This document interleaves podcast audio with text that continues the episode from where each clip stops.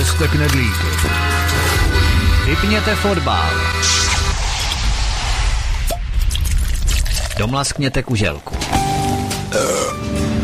A dokoukejte vaší oblíbenou telenovelu. Pátek od 19 hodin přichází smršť událostí a informační nácest. Informační nácest.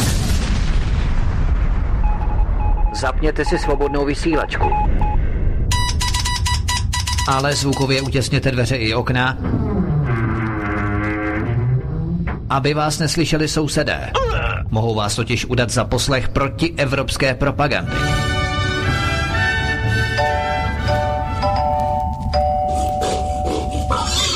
Proto buďte tuctoví, všední a hlavně nevybočujte.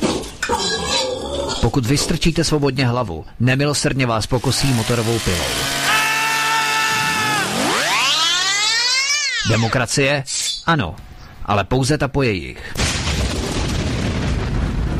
Proto zapalte svíčky, kupte pár plišáků a semkněte se s námi v boji proti bruselskému terorismu. Šéf-redaktor z pravodejského portálu Ironet.cz pan VK komentuje aktuální události posledního týdne na vnitrostátní i zahraniční politické scéně. Ganze tschechische Volk ist eine simulantní bande. Zákulisní informace, které se nám vždy nemusí líbit. A komu tím prospějete, co? Geopolitické analýzy, rozvědky, zpravodajské služby. Buďme napřed ve vnímání informačního pole řídících mocenských procesů. Mocenský tenzor je neúprostný. Máte zaseknutý kompas na západ?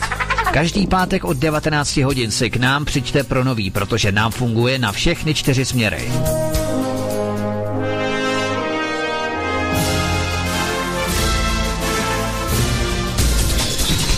Pátek od 19 hodin šéf-redaktor z pravodejského portálu Aeronet.cz pan VK krátký myšvy jeho atamanského vyčínku vypumpuje náš tlak na 158%. Vedoucí kolotoče. Ve společném programu na svobodném vysílači CS. CS. CS. Dobrý podvečer, je akorát 17.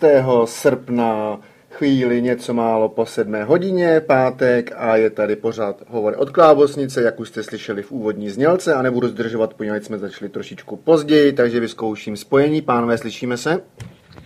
Ahoj Jirko, zdravím tě, zdravím všechny posluchače, zdraví Vítek od mikrofonu a přeju hezký páteční večer. Tak slyšíme se taky? Slyšíme se nádherně, výborně. Já vás také zdravím ve studiu a zdravím a vítám všechny posluchače Svobodného vysílače CZ a všechny čtenáře Aeronotu.cz. Ano, slyšeli jste perfektně, takže doufejme, že to vydrží až do konce bez jakýchkoliv narušení. Takže slovo je vaše.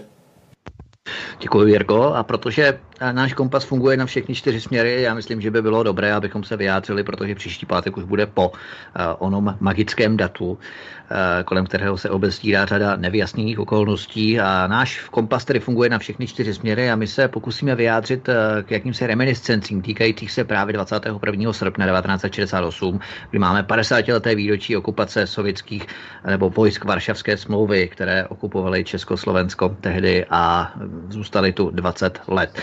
Ale možná bychom to mohli uvést zprávou uh, jednak tedy ohledně Eh, zprávy, kterou jsme zaregistrovali, zachytili, zaznamenali v médiích, eh, zprávu z českých médií před několika dny, že bývalý kandidát na prezidenta Michal Horáček podal žalobu na Zdeňka Ondráčka z komunistické strany Čech a Moravy za pomluvu, který ho během prezidentské kampaně označil za spolupracovníka STB. Horáček se tímto výrokem cítí poškozen a proto podal na Zdenka Ondráčka žalobu a policie tak požádala poslaneckou sněmovnu o jeho vydání k trestnímu stíhání. Imunitní a mandátový výbor se bude žádostí zabývat počátkem září. Michal Horáček byl však veden ve třech svazcích STB, z nich ten poslední byl na rychlost zničen 7. prosince 1989 při zahlazování stop agentů federálního ministerstva vnitra. Co myslíš, VK, že za touto žalobou stojí, když ani Ondráček, ani Horáček nikam ne- nekandidují letos na podzim v letošních komunálních ani senátních volbách? Co zatím může vězet a v podstatě, když to zamíchám dohromady takový koktejl v rámci to, takového mého úvodu, můžeme se pověnovat i trošku panu Vojtěchu Filipovi, předsedovi, předsedovi KSČM, který uvedl informaci v českých médiích, nevím teď pro jaký časopis nebo pro jaký deník to bylo jako první, že v podstatě Varšavské smlouvy nebo Brežněv byl Ukrajinec a jednalo se o sovětská vojska, ale o většina těch vojsk byla ukrajinských. Takže to jsou takové základní věci, které budou definovat naše následující povídání o 21. srpnu. Pusťte do toho VK. Možná bychom začali právě Michalem Hráčkem. No já bych začal obráceně právě uh Vojtěchem Filipem, protože to já bych dokonce řekl, že jakoby potom plynule naváz, nebo potom plynule naváže eh, na pana Horáčka. Eh, Vojtěch Filip totiž správně pojmenoval jednu zásadní věc. Eh, v roce 1968 neexistovalo Rusko jako samostatný subjekt, ale existoval Sovětský svaz. A Sovětský svaz e, byl jakýmsi hlavním garantem bezpečnostní architektury tzv. východního bloku, jehož byla Československá socialistická republika integrální součástí. E, tehdejší Dubčekova vláda udělala tu neuvěřitelnou věc, že se pokusila tento bezpečnostní blok rozvrátit zevnitř. A e, následovala naprosto jasná odezvá reakce nejsilnější země východního bloku Sovětský svaz zasáhl. Z jakého důvodu? Protože Československo bylo členem Varšavské smlouvy, bezpečnostního paktu. Pokud by Československo pokračovalo v těch, eh, řekněme, demokratizačních procesech, došlo by k, roz, k rozpadu Varšavské smlouvy a k okamžitému ohrožení bezpečnosti tehdejšího Sovětského svazu. Pro něhož e, východní satelity sloužily jako nárazníkové pásmo před americkou západní agresí.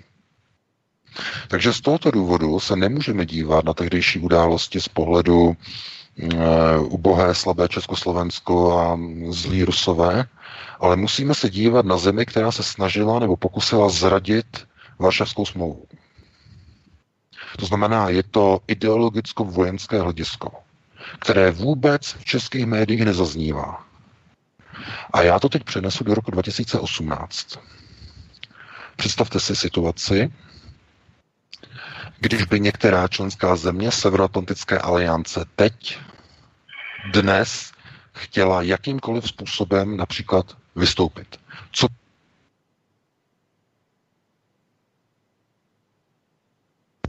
Tak, teď to vypadlo, nevím, co se přesně děje.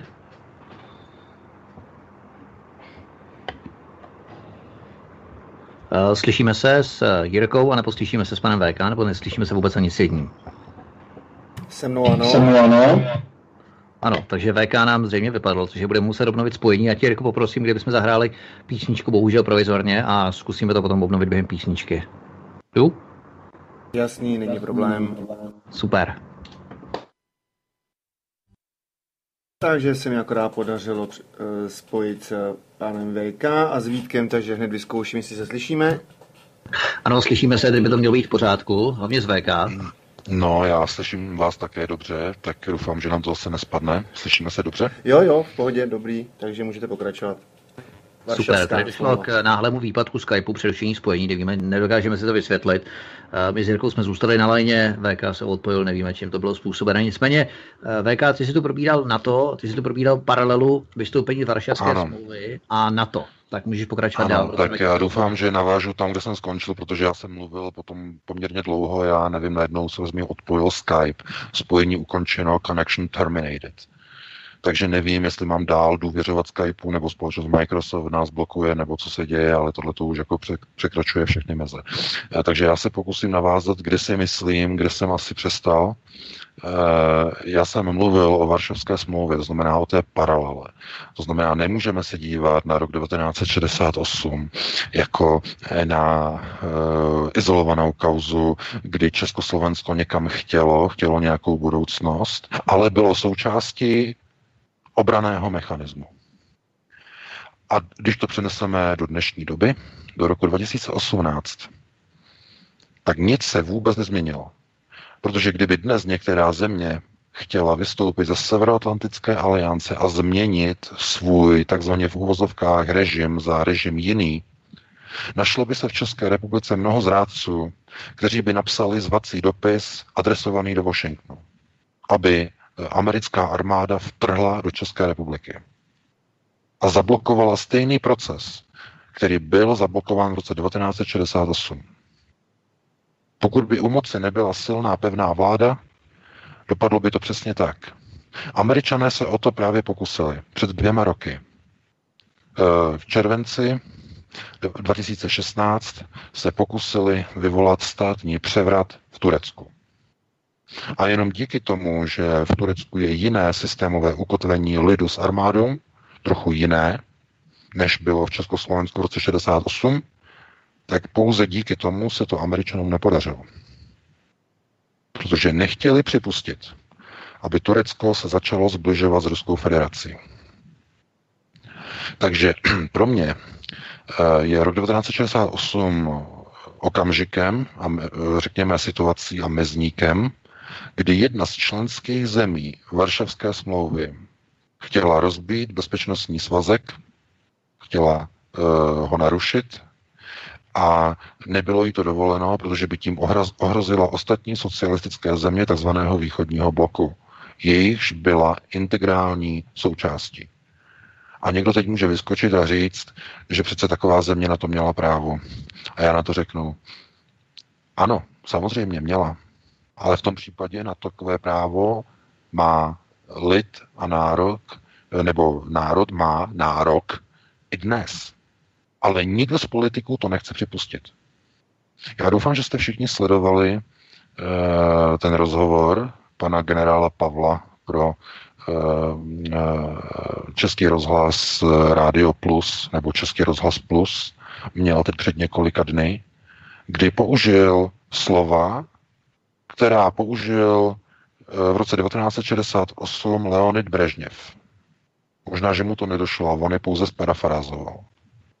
Leonid Brežněv totiž v Černé nad Tisou v roce 68 řekl, Československá republika nebo ČSSR má závazky vůči e, našemu společenství e, zemí, které budují komunismus a Československo musí dodržet své závazky k Varšavské smlouvě, kterým se zavázalo, ke kterým se zavázalo. To řekl Brežněv v Černé nad Tisou v létě roku 68. Přesně toto řekl teď před několika dny, nebo parafrázoval před několika dny na Českém rozhlasu generál Pavel. Bývalý velvyslanec u NATO za Českou republiku a respektive byl potom zvolený vojenským velitelem přímo v Bruselu pro NATO. Už skončil, měl ten mandát na tři roky. Ale zopakoval výrok Leonida Brežněva, pouze ne ve vztahu k Varšavské smlouvě, ale pouze ve vztahu k českému aliančnímu závazku vůči Severoatlantické alianci. Já jsem se úplně zhrozil. Takže dámy a pánové, eh, pokud si někdo myslí, že eh, když někdo nastartuje v České republice proces za vystoupení z NATO, je vysoká pravděpodobnost, že to dopadne stejně jako v roce 68 do České republiky vtrhnou vojska Severoatlantické aliance. Za, za nějakou záminkou. Například ochrana transatlantických hodnot, demokratických hodnot, demokracie, ochrana před ruským vlivem a tak dále. Oni by si našli nějaký důvod. A já, vás můžu, já vám můžu garantovat, že ten zvací dopis, který by přišel do centrály NATO nebo do Washingtonu, by byl mnohem delší, měl by mnohem více podpisů, mnoha mnoha zrádců, mnohem delší než ten zvací dopis, který zaslali tehdejší rigidní uh, komunisté do Moskvy. Byl by mnohem delší. To znamená, že já naprosto neuznávám tyhle ty, eh, řekněme, morální exibice, které probíhají v rámci vždycky těch oslav nebo připomínkových událostí v roce 1968. Protože to byla situace chvíle, kdy Československo chtělo zradit Varšavskou smlouvu. Bezpečnostní pakt, který byl nárazníkovým pásmem pro sovětský svaz. A e, tomu nemělo, nebo tehdy ten mandát zkrátka Československo nemělo. Nebylo k tomu dovoleno, nebylo to odsouhlaseno. A jestli to tak bylo správné, nebo to nebylo správné, na to, nebo od toho my tady nejsme, protože eh, tehdejší zvolená vláda eh, měla eh, nějaký mandát. Ten mandát mimochodem v roce 1968, protože to také nezaznívá, byl procesem vnitrostranického puče uvnitř ústředního výboru. To, že Československo přestane budovat socialismus, nebo řekněme tu cestu ke komunismu, to nebyla vůle československého lidu, která by vzešla z voleb. To byl vnitrostranický puč, který proběhl v lednu roku 68. Tehdy ve straně. A probíhal až do března, od toho potom ten název e, Pražské jaro, ale to byl puč. To nemělo s demokracií nic společného. Takže pro Boha, o čem se tady bavíme? O jaké demokratické e, cestě? To byl puč uvnitř komunistické strany, kde jedna skupina komunistických aparátčíků v čele s Dubčekem se rozhodla, že bude budovat takzvanou jugoslávskou cestu. Tak oni, oni tomu tehdy, už tehdy tomu říkali eh, tito aparátčíci, takzvaná Jugočechie. Takový nepěkný, hnusný název. Jugočechie. Nebo jugočešský model. To znamená model Titovy Jugoslávie implementovaný do tehdejšího Československa. No a tato Jugočechie by de facto dneska byla přirovnaná k modelu ekonomiky Číny. To znamená, o 20 let dříve to byl jakýsi předstih, nebo necelých 20 let. A e, jenže problém byl někde úplně jinde. Zatímco v Číně o tomto procesu demokratizačním který začal už v polovině 80. let. To, co je dneska vlastně z Číny, to je, to je kapitalistická společnost naroubovaná na socialismus, eh, neomarxistický model a tak dále, a tak dále. Ale tam to proběhlo na základě eh, hlasování a na základě převolení celého nového předsednictva tehdejší komunistické strany Číny v polovině 80. let. To je to zásadní a hlavní. Jenže k něčemu takovému v Československu vůbec nedošlo. Lid nedal mandát ke změnám v roce 1968. Tam nikdy žádný mandát nebyl vydán. E, proto já nepovažuji rok 68 za nějaký demokratizační, ale za e, státní převrat, který měl obrátit eh, tehdejší Československo od cesty budování socialismu ehm, k modelu neomarxismu. I když tehdy ještě o tom lidé vůbec netušili a nevěděli, že k něčemu takovému se schyluje, respektive bude se schylovat o 20 let později. To znamená, kdyby tehdy eh, toto pražské jaro proběhlo, tak eh, události roku 89 by se udály už v roce 68 a v následujícím roce 69. A z tohoto důvodu se Miloš Zeman nechce k 50.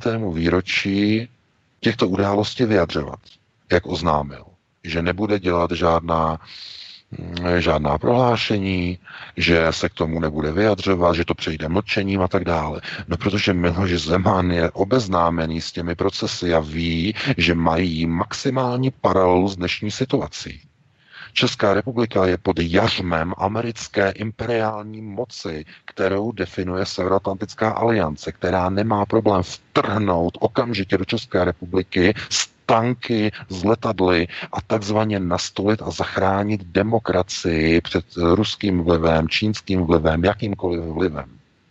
Teď v této chvíli americká moc se pokusila svrhnout prezidenta a zakroutit mu krkem prezidenta druhé největší země uvnitř NATO. Vojensky nejsilnější, druhé nejsilnější země, Turecka, před dvěma roky. A vůbec ani nehli američané brvou. Klidně by Erdoana podřízli. Normálně. Na, na fleku byli připraveni e, provést puč, nalili dvě miliardy e, tureckým generálům a chtěli provést státní převrat. Aby se přestalo Turecko zbližovat jednak s Ruskem a za druhé, aby Turecko přestalo bránit vzniku Kurdistánu, který je nezbytný k tomu, aby bylo možné si přivázat celou Evropskou unii takzvanou arabskou pupeční ropnou šňůrou. kdy ropovody ze Saudské Arábie by měly dodávat ropu, samozřejmě za americké dolary, skrze nový státní útvar, který by vznikl na území Sýrie, Turecka a e, Iráku, e, to znamená Kurdistán, kudy by vedly ropovodní a plynovodní trubky dál do Evropy. A ten plán zkrátka e, měl být garantovaný tím, že v Turecku dojde ke změně vojenského režimu. Nebo režimu, tehdejšího režimu, který tam byl, to znamená je tam do dneška, ale měl se z toho stát vojenský režim. Vojenská chunta měla převzít moc a e, američané měli e, v podstatě si podvázat celou Evropskou unii. A co by to znamenalo? No v okamžiku, kdyby američané toto dokázali, tak by navázali celou Evropskou unii pevným ropovodem na arabskou ropu. To by byla katastrofa pro Ruskou federaci. To samozřejmě, v tom okamžiku, ale především by to byla katastrofa pro národní státy v Evropě. Protože všechny země by spadly pod americkou centrální moc a ta by využila své pozice k rozpoutání války s Ruskou federací. O což se snaží neustále. Takže to je obrovský přesah. A když se podíváte, co vzniká v celé Evropě, střední Evropě, tak eh, vidíte, že de facto američané se tohoto nevzdávají. Mm, budují svůj vliv v Polsku, v Maďarsku, na Slovensku a konec konců i v České republice. Stále chtějí posilovat svůj vliv. Plán na vznik takového nebo takzvaného systému trojmoří, o tom jsme mluvili několikrát, to znamená vhodit a vytvořit klín mezi takzvanou Evropskou unii pod kontrolou Německa a Ruskem ve střední Evropě.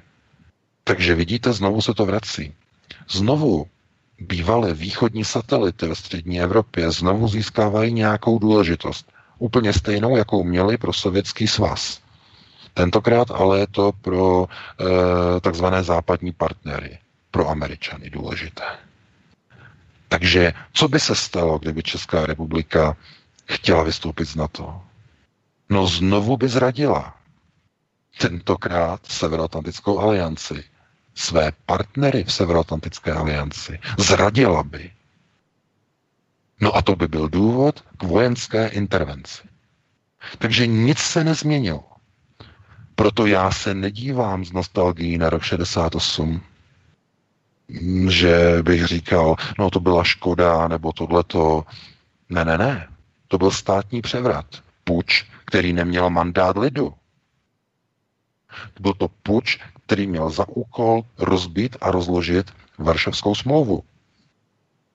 A k takovým procesům, aby tehdejší Dubčeková vláda měla mandát, k tomu by potřebovala hlas lidu.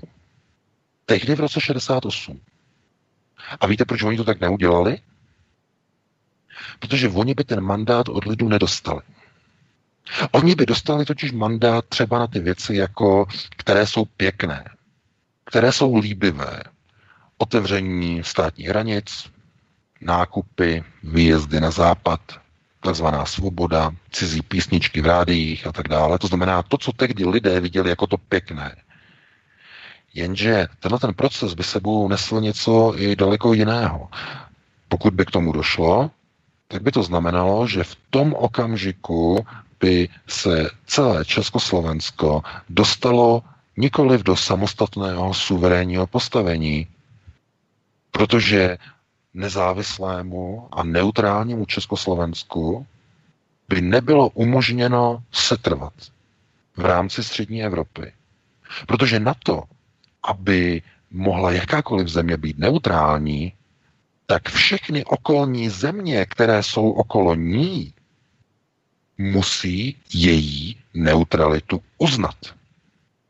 A myslíte si, že by v roce 68 ostatní země pod sovětským vlivem, jako NDR, Polsko, Maďarská lidová republika, a z východní hranice pochopitelně Sovětský svaz, že by umožnili a uznali Československu neutrální status? Ha, v žádném případě. Takže když by neuznali Československu neutrální status, co by zbývalo Československu a jeho nové vládě, která by se chtěla odtrhnout od komunistického bloku? Co by, co by to znamenalo? Hodit se do náruče Severoatlantické aliance. To znamená ten samý proces, který proběhl v České republice po roce 89. Z jedné louže do bláta. Nic jiného. A v tom okamžiku by si dneska mnoho lidí uvědomilo, aha, ono by to vlastně skončilo úplně stejně, jako je to dnes. Protože k tomu, aby jakákoliv země byla neutrální, k tomu potřebuje garanci ostatních zemí, které ji obklopují, plus garanci velmocí.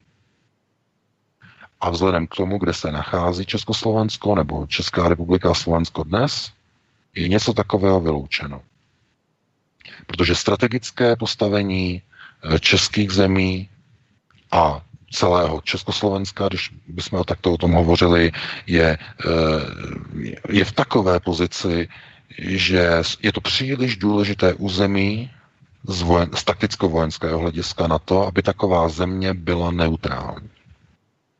Neutralitu tehdy Sovětský svaz po roce 1945 umožnil jenom jedné jediné zemi, a to bylo Rakousko. A to bylo z politických důvodů, protože Rakousko vědělo, že e, nálady, které byly tehdy po válce, tak byly hodně ovlivněny slovanským genomem. Velmi výrazně. Do dneška je spousta Čechů a Slovanů ve Vídni a tak dále. To znamená, eh, oni věděli, že Rakousko má jiný etnografický charakter než normální Německo, nebo řekněme to, co je dneska eh, Německo jako takové. Takže oni chtěli mít jakýsi garanční blok a mechanismus, který zabrání v budoucnu e, dalšímu e, takzvanému Anschlussu že by někdy v budoucnu se znovu Rakousko připojilo k Německu. To znamená, ten neutrální eh, nebo ten neutrální status byl pouze mechanismem, který měl Sovětskému svazu zaručit, že tam bude určitá blokace ze strany Rakouska, kdy eh, jejich poválečný pacifismus bude silnou zbraní proti případnému sjednocování německy mluvících zemí ve střední Evropě. To byl ten zásadní hlavní model. Proto já opravdu nerozumím tomu a nechápu, proč dneska někdo obdivuje rok 1968, když eh, na jedné straně to byla zrada tehdejšího východního bloku a Varšavské smlouvy, jehož byla, nebo jehož bylo Československo integrální součástí, ale to, co je tam hlavní, že Pražské jaro 1968 neproběhlo na základě systému plebiscitu. Nebyla tam nikde žádná volba, lidová volba, kdyby lidé a lid, tehdy ještě podporující budování socialismu. Pozor, nemluvíme o roku 89, kdy většina lidu už měla socialismu pokrk. A ne z ideologických důvodů, ale řekněme z důvodu hlavně hmotně finančních protože lidé chtěli nakupovat. A jestli něco porazilo socialismus, tak to bylo, byl to nedostatek zboží v obchodech. Všude, ve všem. Akutní nedostatek úplně všeho. Všichni si to pamatujeme. Jenže v roce 68 to bylo všechno úplně jinak. Byla jiná generace. Protože od roku 48 uplynulo jenom 20 let. Tehdy ještě lid a dělníci chtěli budovat socialismus. Proto ani Dubček si nedovolil mluvit o demokratizaci společnosti, ale mluvil o socialismu s lidskou tváří. To je to hlavní. On si to nemohl dovolit v roce 68, ale proto věděl, že oni nemůžou jít za lidem a říct si o mandát, ukončíme budování socialismu a začneme se přibližovat západu. Protože to by znamenalo kapitalismus. A v roce 68 by kapitalistická myšlenka v Československu u voleb ještě nezvítězila. A Dubčekova e, vláda to věděla moc dobře. Proto vznikl v lednu 68 ten puč uvnitř strany. Proto oni věděli, že nemůžou jít do stranického pléna a navrhnout volby. Ve volbách dát tuto otázku lidu, jestli lid chce jít cestou, mm, jako je Jugoslávie. To znamená, jestli chce jít tou cestou, eh, kdy lidé budou pracovat v tržně orientovaném prostředí, kde bude nezaměstnanost. Jestli chtějí pracovat v takovém prostředí, kde si lidé budou muset platit za zdravotní péči, což Smrkovský tehdy o tom hovořil, že v roce 69 a 70 bude třeba provést zdravotní reformu. Tehdy se to tak jako jenom říkalo, do dneška už, o tom dneska už nikdo nemluví. A lidé by najednou zjistili, že eh, on ten kapitalismus by neměl tolik podporovatelů, kdyby se zjistilo, že lidé najednou už nebudou mít svoje takzvané v sociální jistoty. Takže pro mě je rok 1968 především mm, velkým pokrytectvím národa k sobě samému. Protože e, to, co proběhlo tehdy, tak na jedné straně byla zrada tehdejší řekněme, myšlenky sociál, budování socialismu, tehdejší Varšavské smlouvy, bezpečnostního bloku, ale hlavně nebylo to opřené o plebiscit a volby, kdy lid při volbách a u voleb by dal tehdejšímu ústřednímu výboru KSČ ten mandát, aby mohl vyvést Československo ze socialistického bloku. To je to hlavní. Takže pro mě rok 68 byl státním převratem, pokusem o státní převrat, pučem. Stejně jako v roce 1989. A to je pravda. Puč, vnitrostranický puč KSČ. Takže já, od, eh, já odmítám eh, se na toto dívat jako na nějaké eh, kouzelné, barevné, historické, leč smutné vyvrcholení nějakých demokratizačních procesů. To byl obyčejný puč, který zkrátka dopadl tak, jak dopadl a byl potlačen. A byl potlačen tou silou a tou mocností, jehož bylo Československo vojenským integrálním aliančním partnerem Varšavské smlouvy. Přesně to, co říkal generál Pavel na radiožurnálu nebo Rozhlas Plus, nebo jak se to jmenuje, teď před několika dny, když mluvil o tom samém, ale ve vztahu závazků České republiky k Severoatlantické alianci. Že si nemůže Česká republika dovolit opustit na to, protože už se podepsala k závazkům k ostatním zemím a že by to byla zrada. No ale co to bylo v roce 68? Úplně to samé, ale ve vztahu k Varšavské smlouvě. Takže z tohoto důvodu eh, já chápu Miloši Zemanovi, nebo chápu Miloše Zemané, Zemana, že on nechce nic jako se k něčemu vyjadřovat, protože chápe souvislosti s ohledem na dnešní situaci. Protože je to strašné, ale dnešní situace je úplně stejná. Lidé zase chtějí něco jiného. Chtějí zase vystupovat. Tentokrát z Evropské unie chtějí se odpoutat od Severoatlantické aliance. Ale zase jim to jako není nějak moc dopřáváno, nebo není jim to dovoleno. A znovu se zdůrazňují ty závazky, které je třeba dodržet. Alianční závazky. Znovu jsme u toho. Takže já bych uh, jenom tohleto uh, jakoby zhodnotil ve vztahu k těm výrokům, které řekl Vojtěch Filip, že za rok 68 nemůže Rusko, ale může Sovětský svaz a e, konkrétně mm, Ukrajinci, protože Leonid Brežněv byl Ukrajinec, rodilý samozřejmě, ale já bych od Vojtěcha Filipa právě čekal e, tohleto vyjádření a vysvětlení, které jsem teď právě obsáhle říkal teď já. Protože to, proč zasáhl Sovětský svaz a ostatní země Varšavské smlouvy tak, jak zasáhly, bylo právě to, že Československo chtělo zaradit obraný mechanismus. alianční pakt Varšavské smlouvy. To byl ten důvod. Ten hlavní důvod. Nic jiného.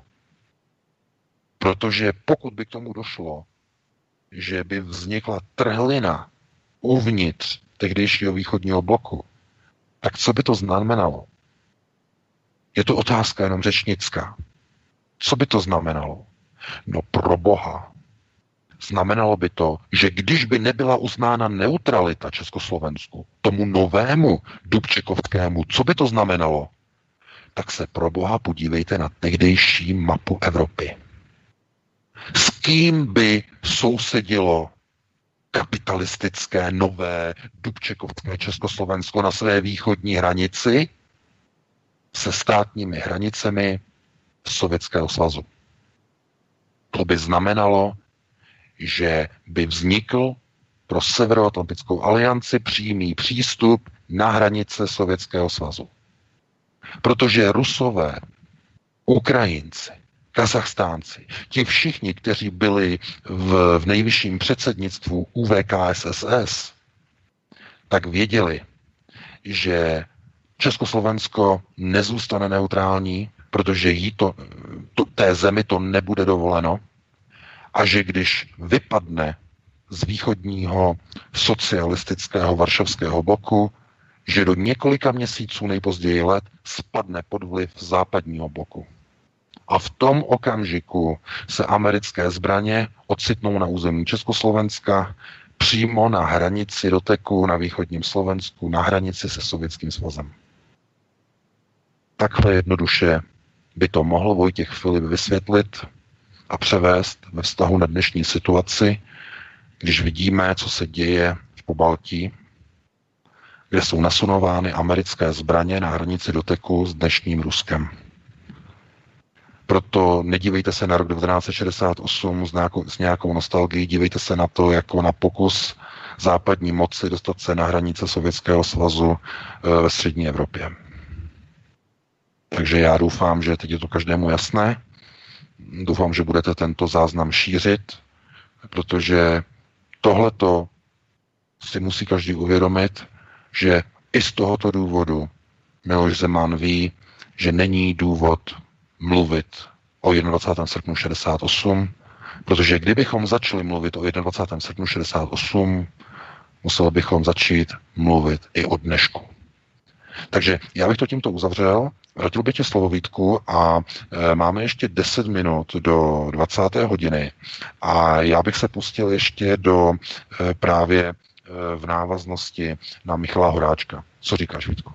Určitě, VK. Já bych jenom eh, ve stručnosti podpořil eh, to tvé povídání dalšími skutečnostmi, protože to je velmi důležité v souvislosti s tím, jak si poukazoval na skutečnosti, kdy se Západ snažil intervenovat a jak si dostat eh, k sovětským hranicím přes právě tunel v oblasti Československa bývalého, tak je také nutné zřejmě a objasnit jednu zásadní skutečnost, o které se také příliš často nemluví v rámci reminiscencí týkajících se 21. srpna 68. A to je věc, nebo zpráva, událost, že americká armáda zahájila 10. července 68, to znamená zhruba měsíc a půl před srpnem 68, 10. července, přesun 22 vojáků k československým hranicím v Bavorsku a to cvičení se jmenovalo cvičení Viking a mělo simulovat jaderný úder Varšavské smlouvy na Německou spolkovou republiku a odvetu amerických vojsk takzvaného prvního sledu. A Pozoruhodná je skutečnost na tom, že sovětská strana nebyla o tomto cvičení informovaná, takže operace probíhala v naprostém utajení. Dodnes jsou dokumenty o tom cvičení Viking utajené. Americká armáda je eh, odmítá odtajnit z pohledu Moskvy, takže mohlo jít o přípravu na invazi amerických vojsk do Československa, na pozvání Dubčekovy vlády právě. Ale tato ani v podstatě nemusela vědět. A je zajímavé také, že se na Šumavě už od června 68, to znamená ještě měsíc před tím cvičením Viking 10. července, tak už od června 68 se začaly odstraňovat na hranicích protitankové bariéry a stříhat ploty na vybraných místech s dobrým přístupem pro kolovou a pásovou techniku. Takže se můžeme jenom dohadovat a domnívat, co doopravdy stálo za invazí Varšavské smlouvy do ČSSR. Zda to nebyly i tyto reminiscence nebo tyto události cvičení, které potom následovaly právě několik týdnů před invazí varšavských vojsk. Tam mohly hrát prostě roli paralelně, synchronně s postupující, postupující události, řekněme. No to rozhodně, protože eh, operace Viking je dneška zahalena tajemstvím a mm, je naprosto jasné, že odstraňování těchto protitankových bariér eh, vyvolalo především velké obavy v tehdejším generálním štábu Československé lidové armády. Tehdy, v roce 68. A e, takhle. Dneska se ještě stále říká, jako, že tehdy se začaly odstraňovat dráty. No, tak ano, dráty se začaly odstraňovat, ale o ty dráty vůbec nešlo, protože ty byly určeny na průchod eh, normální, eh, řekněme, lidí. To znamená, skrze ty dráty by neprošly lidi. Ale tam vůbec o ty dráty nešlo, tam šlo něco jiného. Tam šlo o právě o ty protitankové zátarasy. Eh, především na těch jednotlivých úsecích Šumavy, eh, tam byly odstraňovány eh, v podstatě v těch jednotlivých oblastech, kde byly roviny, to znamená v těch lesích, tam, kde byly takzvané mítiny, to znamená, kde byly mítiny, tam mohly procházet tanky, tak právě tam byly tyto protitankové zátarasy naprosto nepochopitelně byly odstraňovány. Protože pokud někdo chtěl otevřít hranice, aby lidi mohli chodit, jo, no tak k tomu nepotřeboval odstraňovat protitankové záterasy. E, k tomu nepotřeboval odstraňovat dokonce ani ty ploty. Protože lidi asi nepolezou, když půjdou legálně přes hranici, nepolezou přes plot, ale šli by normálně přes celnici. Takže ano, v tom prostě je mnoho zvláštních bizarních událostí, které se začaly odehrávat zhruba počátkem léta, roku 68. A bylo to v součinnosti pučistů jak oni jim potom říkali po roce 68, uvnitř uh, ústředního výboru KSČ. Tam proběhl vnitrostanický puč. Takže když oni tomu, když přijeli uh, vojska Varšavské smlouvy a oni tomu říkali, že jedou zabránit kontrarevoluci, no tak oni de facto říkali pravdu. To byla kontrarevoluce ve vztahu k budování socialismu. To znamená, někdo dělal kroky k tomu, aby západní vojska se v případě potřeby mohla dostat přes šumovskou hranici na území Československa. Ano, přesně tak. To je, ten, to, je ten, to je to zásadní. A já, tedy, já teď jenom automaticky, jenom tak, takovým velkým oslým můstkem přeskočím na Michala Horáčka, možná, že to ještě přetáhneme do další hodiny potom, po přestávce, eh, protože Michal Horáček teď před několika dny právě podal trestní oznámení na Zdeňka Ondráčka eh, z KSČM.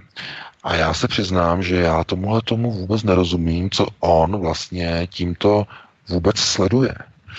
Protože on je registrovaný, nebo je po něm záznam, e, že je zaregistrován celkem ve třech případech ve svazcích STB. Z roku 1981, potom po třech letech v roce 84 a poslední registrace je znovu po třech letech v roce 1987. V tom prvním svazku je registrovaný jako prověřovaná osoba, PO. V následujícím svazku v roce 84, kde je eh, provedená přeregistrace, ale pod původním evidenčním číslem, tak tam se dochoval svazek, eh, kde jsou zaznamenány dvě události. Jednak eh, jeho ochota donášet STB informace na jeho kamaráda doktora Františka Cigánka. A druhá událost je tam zaznamenaná, zachycená, eh, že měl incident, když zpěvačce Annie McGowan v roce 82 dělal překladatele a tlumočníka, tehdy koncert, ona tehdy koncertovala v Československu Československu a oni nechtěli Horáčka pustit do československé televize tehdy. Je tam o tom záznam, proč ho tam nepustili, protože on vystupoval jako činovník Prago koncertu, eh, což nebyla pravda a eh, STB to tam de facto jakoby zaznamenala tady tu událost. Nicméně, to hlavní a důležité je, že to nebyl konec. Protože po třech letech později zavedla a zanesla a založila STB úplně nový záznam v roce 87 do svazku agenturního zpravodajství a civilní kontrarozvědky, opět na Horáčka, pod krycím názvem Sáskař. A v roce 87 pod úplně novým registračním číslem. Úplně novým. To znamená úplně nová registrace. Tam už je vedený jako kádr eh, nebo eh, kandidát eh, tajné spolupráce. Tam už je vedený. No ale co je u toho záznamu uvedeno? Že tento svazek, který byl za- založen a veden od roku 87, byl zničen 7. prosince 1989. V, tém, v tom protokolu je tam razítko, úřední razítko, zničeno 7. 12. 1989. To znamená, ten poslední vytvořený svazek je pryč, je zničený.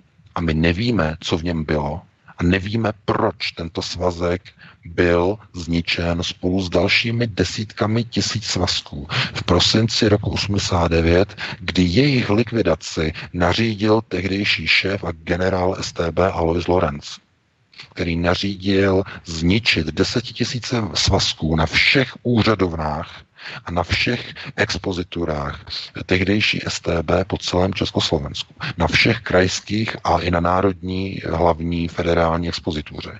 Všude se palily svazky, ale pouze svazky, které byly vybrány takzvaného živého operačního určení. Takže já nerozumím tomu, proč eh, Michal Horáček se snaží z nějakého důvodu teď na sebe přivolávat nějaké démony minulosti, protože minimálně to, co je dosud dostupné, to, to znamená ten svazek z roku 84, tak eh, tam není o Michalu Horáčkovi napsáno nic moc pěkného. Tedy z toho, mm, co zaznamenala státní bezpečnost, nikoli v jeho osobní hodnocení, on tam má uh, rodinné řekněme, nastavení, že rodina je slušná a tak dále. O to, o to nejde. Tam jde o to, k čemu se nabídl, s čím souhlasil. To znamená k donášení informací na svého kolegu nebo na svého kamaráda. Nevím, jaký mezi nimi byl vztah, ale protože k němu chodil do bytu velmi pravidelně, tak byli přátelé. Proto si ho STB vytipovala. A on tuto spolupráci donášení informací na Cigánka, na doktora Cigánka neodmítl. On s tím souhlasil. To tam je uvedené. A pan Horáček to má přímo na svém webu oskenované. To je něco neuvěřitelného, takže já nechápu, z jakého důvodu on se snaží dos- dosáhnout nějaké satisfakce na Zdeňku Ondráčkovi za slova, že on spolupracoval s STB, protože ten svazek, který je dostupný, tak tam z toho vyplývá, že minimálně tedy byl ochotný ke spolupráci na donášení informací o doktoru Cigánkovi. To tam je. Takže nerozumím tomu, o co se jedná a co tím sleduje, protože nic pěkného tam není ve smyslu e, samotného Michala Horáčka. Takže e, co zatím bude, to možná se dozvíme v následujících dnech, týdnech, co je vlastně tím sledováno a proč zrovna je to takto, takto namířeno. Každopádně e, ten záznam z roku 87 a ta likvidace ukazuje, že jeho svazek byl v roce 89 už živý a z tohoto důvodu spadal do skupiny dokumentů, které bylo třeba zničit a spálit na rozkaz generála Aloise Lorence. Tehdy. A do, to, do té likvidace, do toho likvidačního procesu nespadaly sekce skupiny D, to znamená důvěrník. To byli obyčejní práskači, to byli spolupracovníci STB, kteří práskali znamená donášel informace. Takže ti nebyli vůbec chráněni. Ti zůstali v evidencích STB. Nebyl důvod, Lorenz neměl důvod je chránit. Takže docházelo jenom k likvidaci skupiny vybraných, vybraných profilů skupiny A a hlavně tisíců a tisíců profilů skupiny KTS. To znamená kandidát tajné spolupráce. Uh, Lorenz to mimochodem během vyšetřování události 17. listopadu to řekl vyšetřovací komisi, že označování jednotlivých skupin při transferu a přeregistraci z KTS na skupinu A nebo na skupinu D docházelo mnohdy uh, ke značným, řekněme hlavně administrativním prodlevám. A to z toho důvodu, že za každé povýšení, respektive za každé zaktivování každého kádra, zodpovídal nadřízený. To znamená, když nadřízený udělal z kandidáta tajné spolupráce skutečného, ostrého, tvrdého a živého agenta, to znamená povýšil ho, tak za něho nesl zodpovědnost. A když ten agent udělal nějaký pruser, anebo dokonce zradil a přešel k cizí rozvědce, tak ten dotyčný nadřízený to odnesl a odskákal. Proto, jak Lorenz vypověděl v roce 90, docházelo k té praxi, že většina takzvaných eh, dozorových důstojníků dělala to, že i když sice byl už agent aktivovaný, to znamená pracoval jako zpravodaj, jako spolupracovník, tak byl v evidenci ještě několik let veden jenom jako KTS, jenom jako kandidát. A to z toho důvodu, aby kdyby udělal ten dotyčný průser, aby, mo- aby mohlo být definováno, deklarováno, že eh, on nebyl ještě schválený, on byl teprve jenom kandidát. To znamená, jednalo se o jakousi byrokratickou obkliku, která kryla nadřízeným důstojníkům v STB záda. Proto právě v listopadu a prosinci 89 byly páleny tisíce a tisíce svazků skupiny KTS. Protože to nebyli kandidáti, kteří by teprve na něco čekali a že někdo posoudí. To už byli živí, aktivní agenti. Ještě nebyli ale přeregistrováni. Takhle to vysvětloval Lorenz v roce 90. Tehdy. Takže sami si dejte potom do souvislosti, kolik je jedna a jedna. Takže já bych tohleto ukončil. Máme 20.05, eh, takže dali bychom si jednu písničku, Vítku, přestávku a po přestávce bychom se eh, pustili do dalšího tématu. Co říkáš? Dobře, VK, určitě po přestávce se pustíme do zprávy o extremismu, do hutného materiálu, o kvazimediálních projektech. Bude to velmi zajímavé. Takže dáme si jednu písničku, Jirko. Samozřejmě mám připravenou jedno zahraniční, takže za nějakých 6,5 minutek se zase uslyšíme v pořadu, dalším pořadu, eh, části pořadu Hovory u Klábosnice s Vítkem a s panem VK.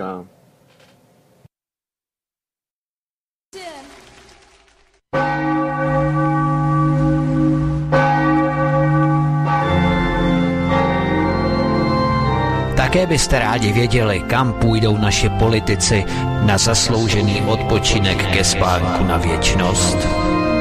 Přímo z poslanecké sněmovny přes americkou ambasádu až do strašnického krematoria. Pojď stoupat jak dým až tam, kam jen ptáci mohou Chceme je nechat sedět v poslanecké sněmovně tak dlouho, abychom jim házeli my lístky do urny, než v té urně skončí oni sami.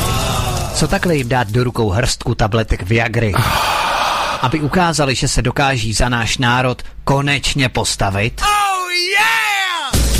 pátek od 19 hodin přichází smršť událostí a informační nácest. Informační nácest.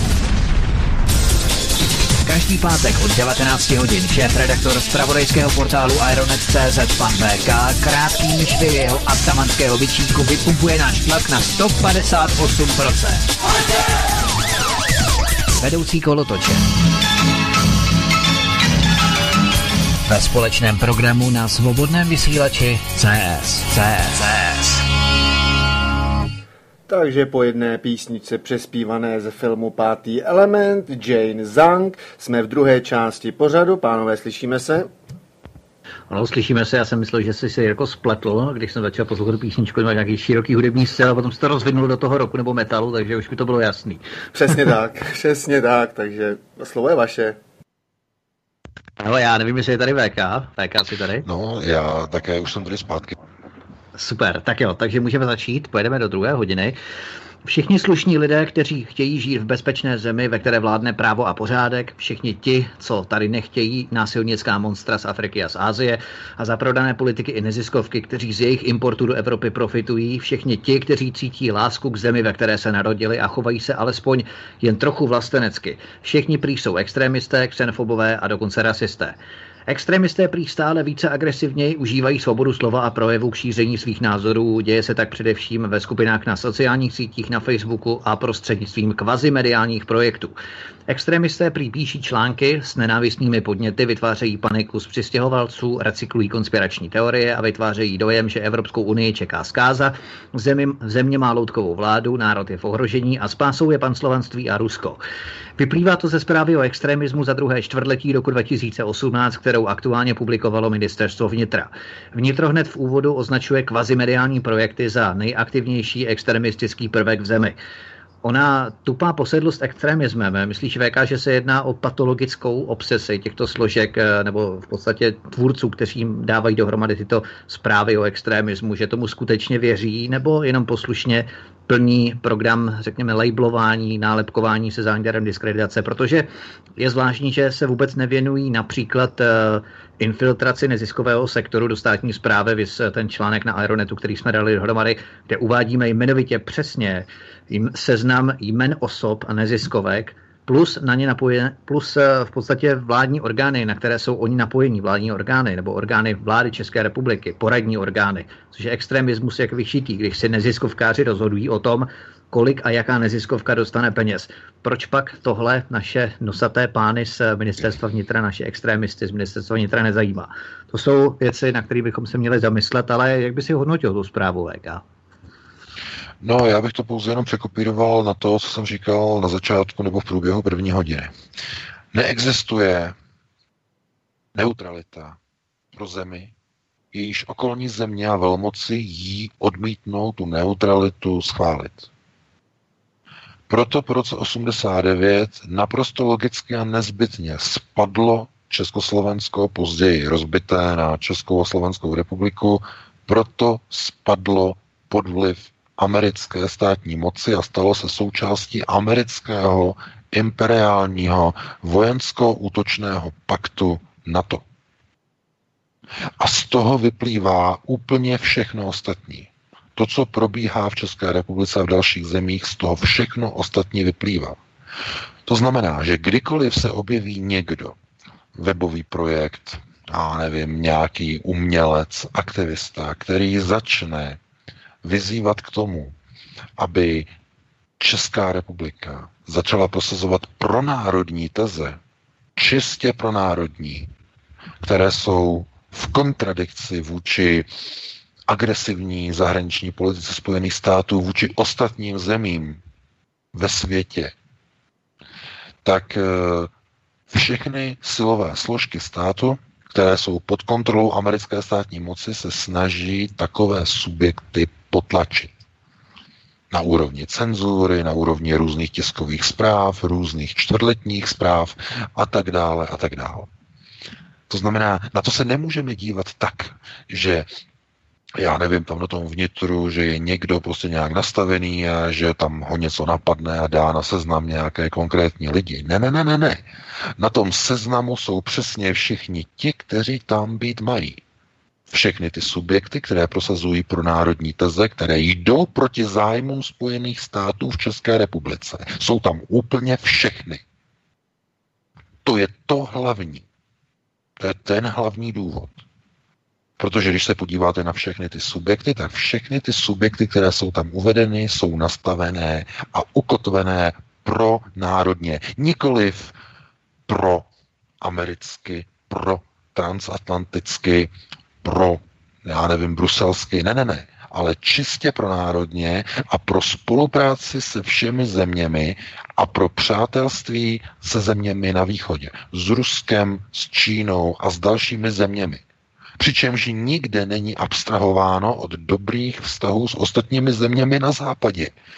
Nikdo neříká, že musíme být v nepřátelství, já nevím, já nevím, kde, s jakými zeměmi na západě. To prostě o tom není. To je o tom, aby velmoc jako Spojené státy umožnila zemí ve střední Evropě mít suverénní vlády.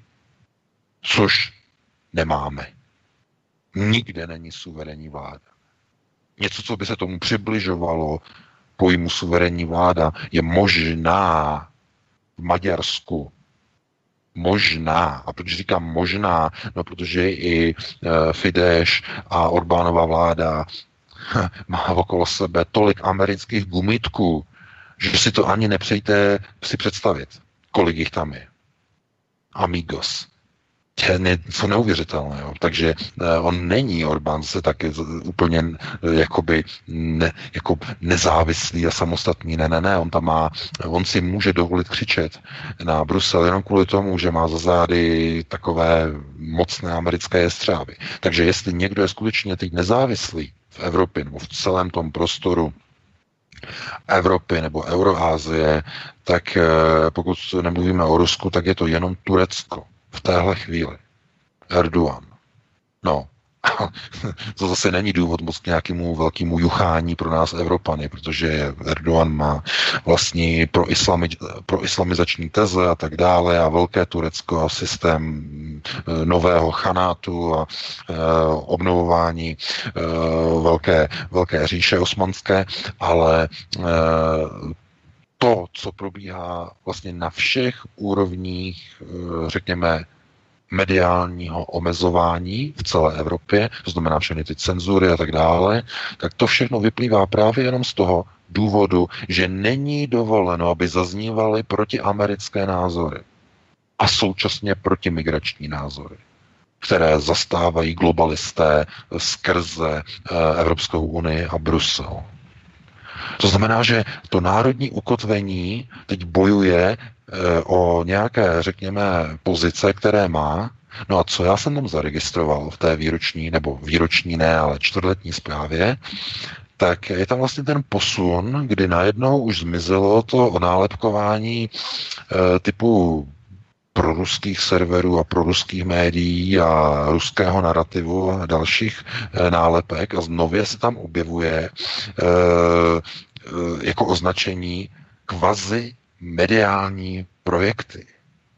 No a to někdo řekne, no jaký to má význam, to přece jako, co to je. No ale to má značný význam. Protože posun v této retorice znamená, že vnitro už označuje a nemůže argumentovat ruskou kartou. Už to není možné, protože už ta karta nefunguje. Všichni vidí, že to nejsou pro ruské servery.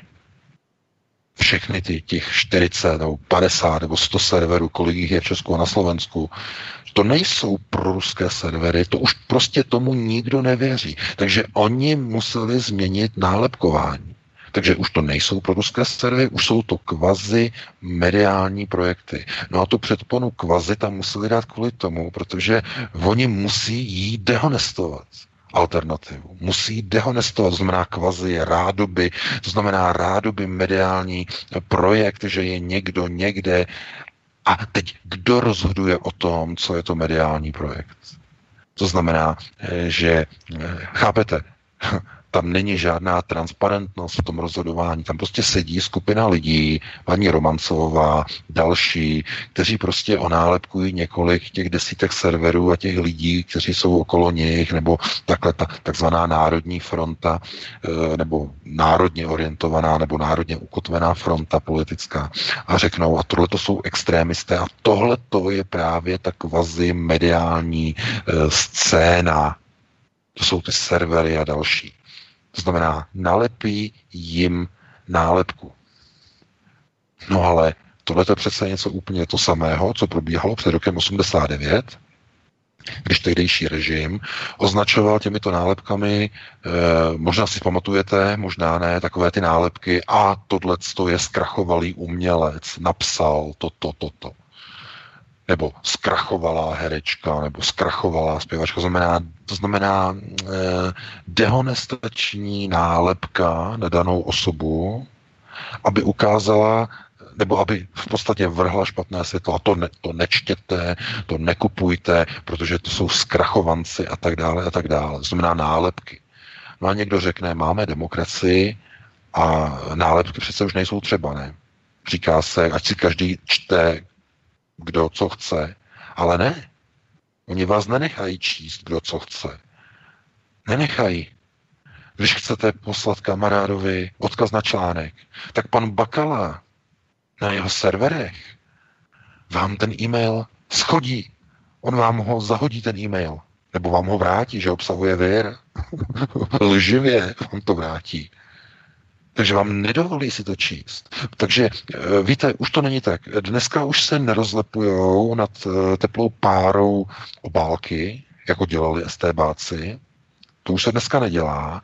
Dneska zkrátka se lidem zahazují e-maily s takzvaným závadovým obsahem.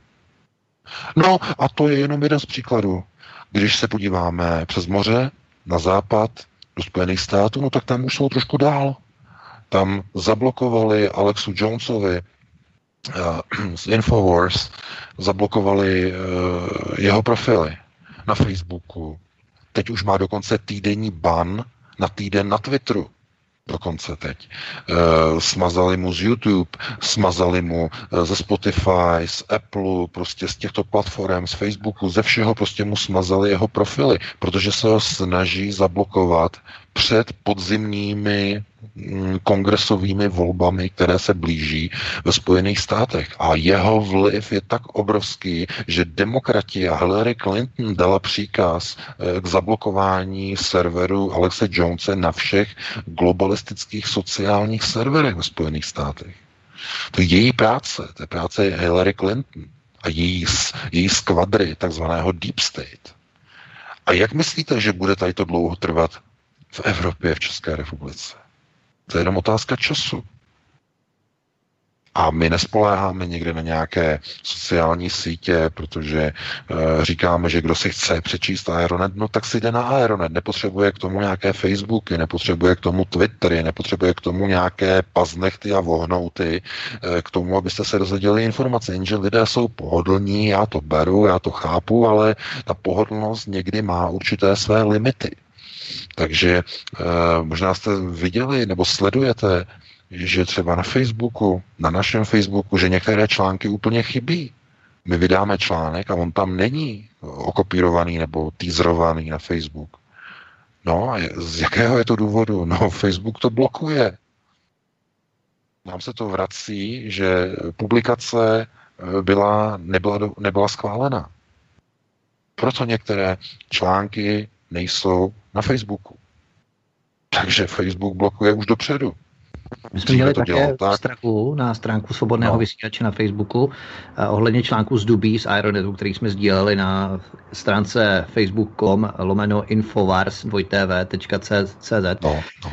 Tak eh, nám také Facebook poslal na všechny profily správců této stránky že sdílíme násilnický obsah a pokud s tím nepřestaneme, tak eh, Facebook může stránku svobodného vysílače úplně pozastavit, to znamená zrušit. Jo. Čili uh, ano, ano. jim se nelíbilo a to je přesně další věc, jim, se, jim nevadí uh, násilnické v podstatě akty nebo události, které se dějí, jim nevadí, že někdo zmasakruje Bělocha, že sedm cikánů zmasakruje Bělocha. To Facebooku nevadí, jemu vadí, když se o tom píše. A to je ten extremismus. Když se o tom kriticky píše. Přesně tak, takže chápete, proto my říkáme, že lidi, když jsou na těch Facebookcích, tak jako není důvod jako mít ten Facebook, jako z jakého důvodu, proč lidé uh, chtějí Facebook, tam žádná svoboda není na Facebooku. Takže něco, co tam je, něco, co se tam objeví, tak uh, jako se tam objeví, ale um, teď už prostě jakoby preventivně se blokuje dopředu, znamená, už vám tam nepolvolí ani publikaci toho uveřejněného článku za Aeronet, už je to dopředu blokované. Takže se to vůbec ani nezobrazí. to je něco jako prostě, jakoby jako prevence nějakého vlivu nebo něčeho, vidíte? A, a, už vám ani nedovolí to publikovat. Dříve vám to publikovali a teprve vám to, vám to třeba až ex post vám to smazali po několika dnech, ale ne, ne, ne, dneska už vám to ani nedovolí publikovat už dopředu. To je fašizace toho Facebooku a všech těch ostatních dalších. Něco neuvěřitelného. A jak dlouho myslíte, že to bude trvat, než eh, se třeba už vůbec ani nedostanete na nějaké ty sociální sítě, protože tam bude něco, eh, jakoby, eh, nebude to konformní s nějakým neomarxistickým světovým názorem. To znamená všechny ty aktivistky typu MeToo, které teď řádí v celé Americe, no to je něco neuvěřitelného. Tam se lidi eh, bojí, eh, teď jako cokoliv eh, strhávají nálepky jako s Trumpem, protože se bojí o svoje auta.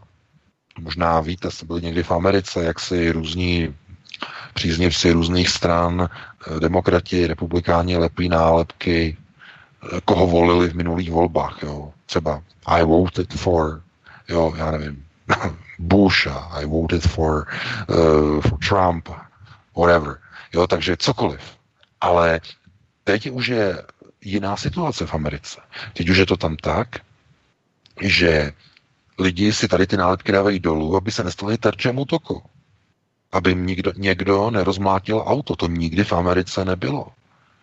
To znamená, v té Americe je fašizace a militarizace myšlení té společnosti. Ta je obrovsky rozdělená, to, ta společnost. To znamená, je tam zaděláno na vypuknutí občanské války. Stejně, jak to říkal včera ve vysílání uh, Alex Jones.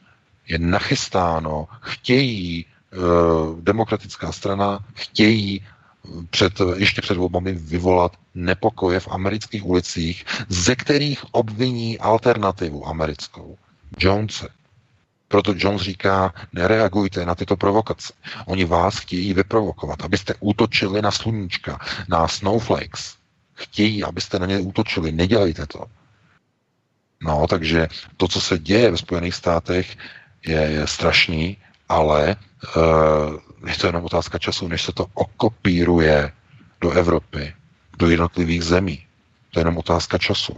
Takže eh, já se na tady, to, eh, na tady tu zprávu zvnitra dívám z pohledu ještě jako nějakého, řekněme, konstatování nebo povídání o říkání, že někdo něco někde řekl a někdo něco se událo a tím to vlastně končí a no, budeme sledovat něco jiného, zapneme fotbal nebo hokej.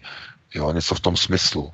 Ale eh, kdyby to bylo takhle, po, takhle pohodové, tak se tím třeba ani nebudeme zabývat, ale hm, zabývat se tím musíme, protože o tom to nerozhoduje nějaké vnitro, o tomto rozhodují nadřízené orgány americké státní moci, které rozhodují o politice v České republice.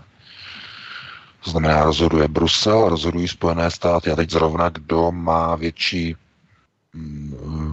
větší páku, větší sílu, tak tam tím směrem jede zrovna politika té, té dané země. Proto vidíte různé takové jakoby nuance, kdy najednou premiér něco říká, něco navrhne, nějakou vějíčku nadhodí a uběhnou dva, tři dny a najednou obrátí názor. No proč? No protože někdo z těch páníčků se ozval. Buď začal řvát Brusel, a nebo začal řvát Washington. Někdo se ozval proti tomu, že ministrině financí Alena Schillerová chce škrtat peníze neziskovkám, 3 miliardy. No a koho by to nejvíc poškodilo? No zase ty neziskovky, které čerpají peníze od amerických fondů, to znamená amerických neokonů, takže ano,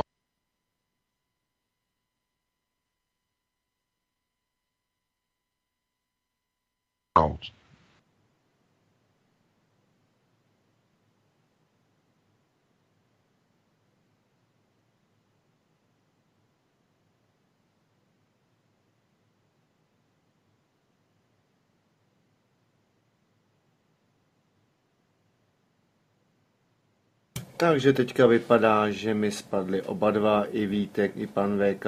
Neslyším. Nevím co. Chvilku mi to tady ukazovalo no internet connection, ale podle mě já pořád vysílám. I Skype mi tady běží, takže slyšíme se. Tam dopis, jo, jo. E, že, byl, že byl členem, že byl v delegaci a navštívil Jaltu a další věci a že kdo nám zrovna jako tady to nějakým způsobem s náma spolupracuje a že mi vydal knížku, no to je něco neuvěřitelného, to je prostě kádrování už jako bylo před rokem 89, kdyby to nebylo tak trapný a úchylný, eh, tak bych se nad tím pousmál, ale to je pouze jenom ukázka toho, že na tom seznamu je přesně tak, kdo tam má být, tak tam je. To znamená, američané to zhodnotili, podívali se na ten seznam a odsouhlasili panu Hamáčkovi a řekli mu, výborně, výborně, takhle to tam můžeš dát, takhle je to dobrý. Mu to odsouhlasili přímo z ambasády, takhle to tam může být. Jo, takhle. A, no a co se změnilo od roku 68? Loutková vláda, loutkový systém, tajné služby sledují, co, kdo, kde si myslí jiného, než je oficiálního. Je to pořád stejné. Takže proto já se nemůžu dívat na rok 68 nějak, s nějakým pohledem jako něčeho krásného, co bylo nebo mohlo být když ve skutečnosti vím, že by to bylo úplně to samé, co bylo a co je po roce 89. Takže z tohoto důvodu já se díváme na nějakou zprávu e, z vnitra jako na zprávu amerických tajných služeb. To není zpráva vnitra.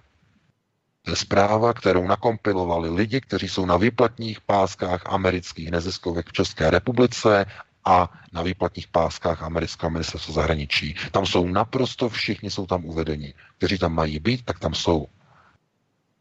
Protože nic špatného ti lidi nedělají, jediné, co dělají a říkají je, že národ by měl jít vlastní cestou a měl by mít dobré vztahy se všemi zeměmi, včetně těch východních.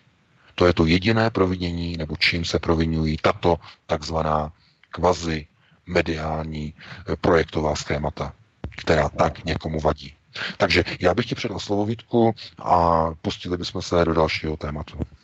Určitě, jenom než se pustíme do Turecka, tak tady mám ještě poznámku k tomu, co jsi říkal ohledně přípravy občanských nepokojů v rámci Spojených států amerických, že to budou chtít svádět na Snowflake, svádět, uh, no na Snowflake, svádět na alternativu, Snowflakes to budou chtít svádět na alternativu, uh, to, co se tam děje, aby měli ospravedlnění k dalším restrikcím a drakonickým, drakonickým opatřením ve stylu Patriot Act a tak dále. Tak uh, v podstatě já, když vysílám teď každou středu od 19 večer George Sereše, tu osmidílnou monografii, tak tam rozebírám třeba i záležitosti týkající se George Sereše, samozřejmě i ve vztahu k neziskovkám, zpřáteleným neziskovkám. Avas a MoveOn.org. A Oni přesně, tito neoliberálové, neomarxisté ve Spojených státech přímo ty nepokoje rozdmíchávají, protože o podílu George Sereše na vyvolávání občanských nepokojů ve Spojených státech existují neprůstřelné důkazy. Zatímco americký mainstream vykresloval ty protesty proti Donaldu Trumpovi jako spontánní akce obyčejných lidí, eh, jak jsme byli svědky potom listopadu 2016, když byl zvolen Donald Trump, tak vycházeli do ulic lidé, svíčkové protesty a tak dále tak na povrch, na povrch prosákly informace, že byly tyto demonstrace organizované profesionálními aktivisty. Například 26-letou Young Kyung Ho, která ve středu v noci 16. listopadu 2016 organizovala svíčkový protest před Bílým domem. Můžeme najít v mailech Johna Podesty, které uvolnila Wikileaks mimochodem. John Podesta byl šéfem volební kampaně Hillary Clintonové. A tato organizátorka protestů Yong Kyung Ho je tam uvedena jako 350 Action Coordinator um, Action Campaign Coordinator, tak, Action Campaign Coordinator, to znamená koordinátorka aktivní nebo kampaně akcí, který pracoval, která pracovala pro demokraty. Dál třeba Phil Reuter, já o tom budu mluvit tuhle středu nebo možná příští středu a budu tam rozebírat přesně ty lidi, ale třeba Phil Reuter byl v mailech Johna Podesty uveden jako PR profesionál a strategický pracovník, který pracoval pro Obamu a všeobecně pro demokraty. Ben Winkler, další Ben Winkler, je profesionálním aktivistou z platformy MoveOn.org, placené Georgem Serešem. To jsou všechno organizace Move On, ta sbírá petice pro vypsání druhého referenda ohledně Brexitu ve Velké Británii. Byla objevena uh, panem Kredikem, což je Kredic, což byl uh, aktivista a novinář, nezávislý novinář, že je také angažovaná v rámci pašování krimigrantů z Libie do Itálie. Move On.org a Avas.org napojené na, na organizace v rámci Aquarius a Dignity, což jsou ty dvě lodě s s Panamy, v Panamy je registrované a jsou to lékaři bez hranic, myslím, že to jsou, tak tahle ta neziskovka Move On a, a vás je v podstatě angažovaná, zapojuje se do těchto rozvratných činností, aktivit v rámci jednotlivých zemích, nejenom tady ve Spojených státech, to abychom mohli věci na pravou míru, že ty důkazy tady opravdu jsou, že neoliberálové, neomarxisté rozmíchávají tyto nepokoje. Prostě když si opravdu hledáme ty informace, tak je najdeme. Leží na chodníku, jenom si je prostě umět hledat. Takže jenom, abychom věděli, jaká je situace ve Spojených státech. No, no, samozřejmě ty souvislosti uh, z toho naprosto jasně vyplývají.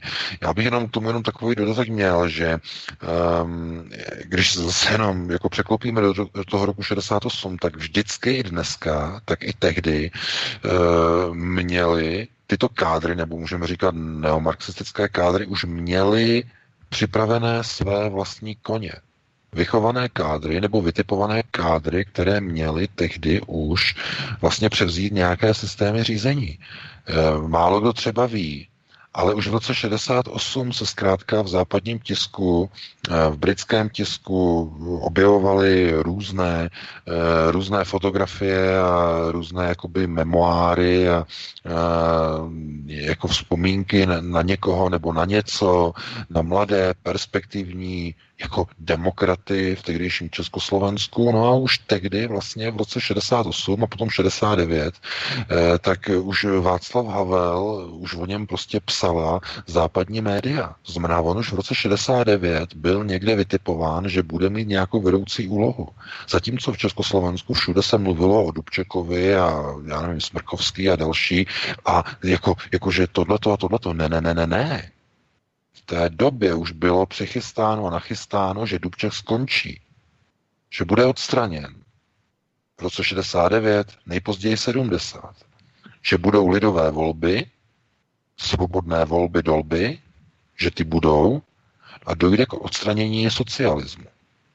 Toho s lidskou tváří. Z toho důvodu byl Dubček i odstaven v roce 89 a byl takzvaně znehodován na dálnici u Prahy aby byl odstraněn. Nemohlo být připuštěno, aby Dubček se dostal v roce 89 k moci, protože on byl komunista. Dubček. Ale on měl ten problém eh, v uvozovkách, že on chtěl socialismus s lidskou tváří. On chtěl Titův takzvaný, on tomu říkal, jugoslávský systém socialismu. To znamená Jugočechy nebo Jugočeskoslovensko to chtěl Dubček. A myslíš, že Marian Čalfa, to, to, Marian Čalfa, to Marian nemohlo, Čalfa, který to se... Nemohlo, a to ne, jenom, jenom dokončím, že to nemohlo být připuštěno. Proto už tehdy v roce 68-69 byl vytipován Václav Havel. No proč? No, on měl kádrový profil eh, takzvaného řekněme, buržoa, nebo e, člena buržoázní třídy, e, majitel Lucerny, jeho rodiče, že za první republiky byli velmi bohatí, tam byly určité dokonce i během protektorátu různé reminiscence na e, lidi okolo K.H. Franka. O tom dneska nikdo nechce mluvit samozřejmě, to by bylo na jinou diskuzi. A e, takže on byl vytipován. To byl synáček z bohaté rodiny jeden nejbohatší v Československu tehdy. A proto jako oni nemohli dopustit, aby došlo k oprášení myšlenky Pražského jara v roce 89.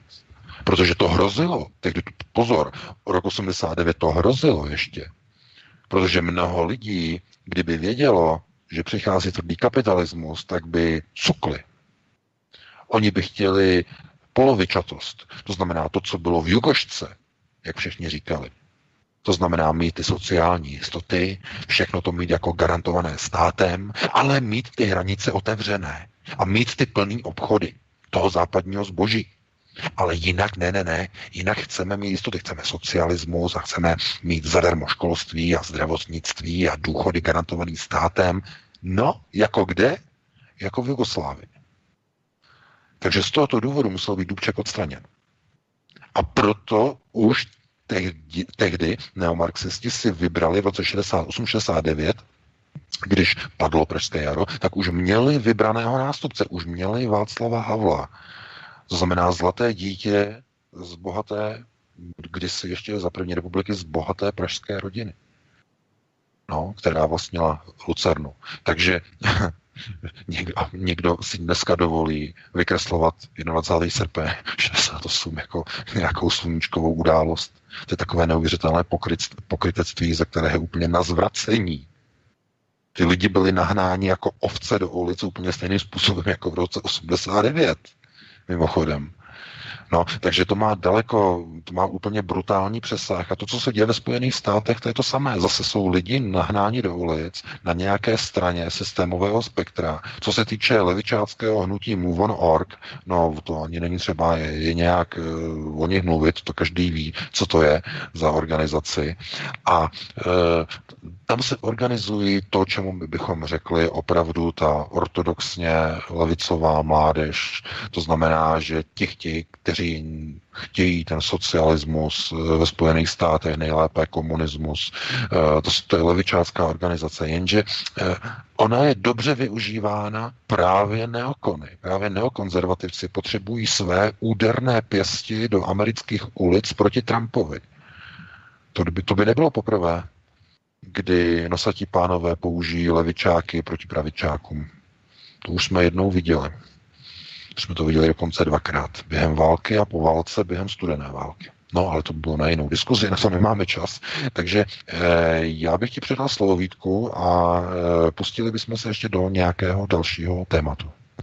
Určitě, já jenom, jak si říkal ohledně e, rodiny Havlových, Miloš Havel, Václav Havel v rámci protektorátu Čechy a Morava, 1939 až 45, tak eh, umělci, herci, divadelníci se často odvolávají na odkaz Václava Havla, tak bychom měli třeba připomenout, že členové Havlovy eh, rodiny se za druhé světové války přátelili s nejvyššími nacisty, členy tajné služby, gestapa, protektorátní vlády. Například Lukáš Kašpar, knížka eh, od Lukáše Kašpara, český hraný film a filmaři, filmaři za protektorátu, vydané nakladatelstvím Libry 2007, tak eh, tam tato knížka, tam tato zmínka padla v rámci toho přátelení rodiny Havlových s pohlaváry nacistické třetí říše protektorátu na straně 212 mimochodem. A další, další citace třeba Streets Miloš Havel nejen pasivně kolaboroval, ale dokonce žádal své nacistické přátele, aby použili násilí proti jemu nepohodlným lidem. Daniel Kaiser a jeho kniha Disident Václav Havel 1936 až 89, nakladatelství Paseka 2009, konkrétně strana 18, kdyby si to chtěl někdo vyhledat. Další citace. Firma Lucerna Film natočila v době okupace a holokaustu na mnoho idylických a veselých filmů. Lukáš Kašpar, opět jeho kniha Český hraný film a filmaři za protektorátu nakladatelství IRY 2007, konkrétně strana 138. A poslední, a to se mi hodně líbí, tahle citace, Václavova maminka lásky plně poznamenala ve svém deníku, jak malý Václav za války obdivoval německé uniformy a běhal, za, běhal na ulici za uniformami za uh, německými vojáky. To napsala Olda Krajzová, a Eda, Eda Krajzová, Václav Havel, životopis, Atlantis 1991, strana 79. Takže to, co jsem tu citoval, jsou všechno veřejně dostupné zdroje, oficiální knihy, které byly vydány. Jo, takže kdyby si chtěl někdo zase idealizovat a podobně pokrytecky uh, různé reminiscence provádět na Václava Flašku Havla, tak uh, toto jsou opravdu autentická svědectví, která byla vydána v rámci těchto, těchto knih a publikací. No samozřejmě, protože um, Havlova rodina, jakožto majitele Lucerny a Lucerna filmu, tak um, uh, oni spolupracovali samozřejmě z nacisty, protože museli udržet veřejný klid tehdy v protektorátu v zájmu zachování klidu a zbrojní výroby pro válečné úsilí Třetí říše. Mm, mimochodem, právě K.H. Frank eh, tehdy eh, vlastně po nástupu do funkce, tak eh, on vlastně o tomto, o tomto hovořil, že český národ, jeho úkolem nebude bojovat za říši ve zbrani, ale za výrobním pásem. A že k tomu, aby mohl dobře pracovat, že potřebuje mít eh, sociální jistoty, sociální zázemí, pořádek a především zábavu pro oddech, po oddechu. Proto ty nejkvalitnější, nejlepší a do dnešní doby z pohledu pamětníků opravdu jako nejšpičkovější eh, zábavné veselo, veselohry, které byly kdy natočeny, tak právě vznikly paradoxně právě za protektorátu. Eh, Vlasta Burian a mm, pan Marván a další, prostě ty nejlepší fláky, ty nejlepší kusy paradoxně vznikly za protektorát. No z naprosto logických důvodů, protože ty filmy měly navést onu uvolněnou atmosféru, aby se dělníci po práci mohli bavit, aby nemysleli na politiku, na nějaké převraty, rozvraty a tak dále a tak dále. Konec konců úplně stejně to potom realizovali komunisté po roce 1948, kteří opravdu si také dávali záležet na kvalitních českých filmech a seriálech a různé nemocnice na kraji města a tak dále a tím úplně upoutali celý národ eh, k velmi kvalitní mediální tvorbě. Samozřejmě, že ne všechny. Samozřejmě, že ne. Ale musíte všichni přiznat, že ti herci, kteří hráli tehdy ta jména, tak se nedají s tím, co máme dnes, vůbec srovnávat. Nesnese srovnání s dnešními herci. To všichni určitě uznáme. To je škoda. No, bohužel ten tristní stav třeba české filmové tvorby dneska je jasný, protože ti herci už jsou pryč. Co byli za komunistů, už jsou pryč. Takže eh, jak nacisté, tak i komunisté potřebovali zkrátka po práci pro toho člověka mít nějakou kvalitní zábavu. Ale dneska, dneska to není třeba.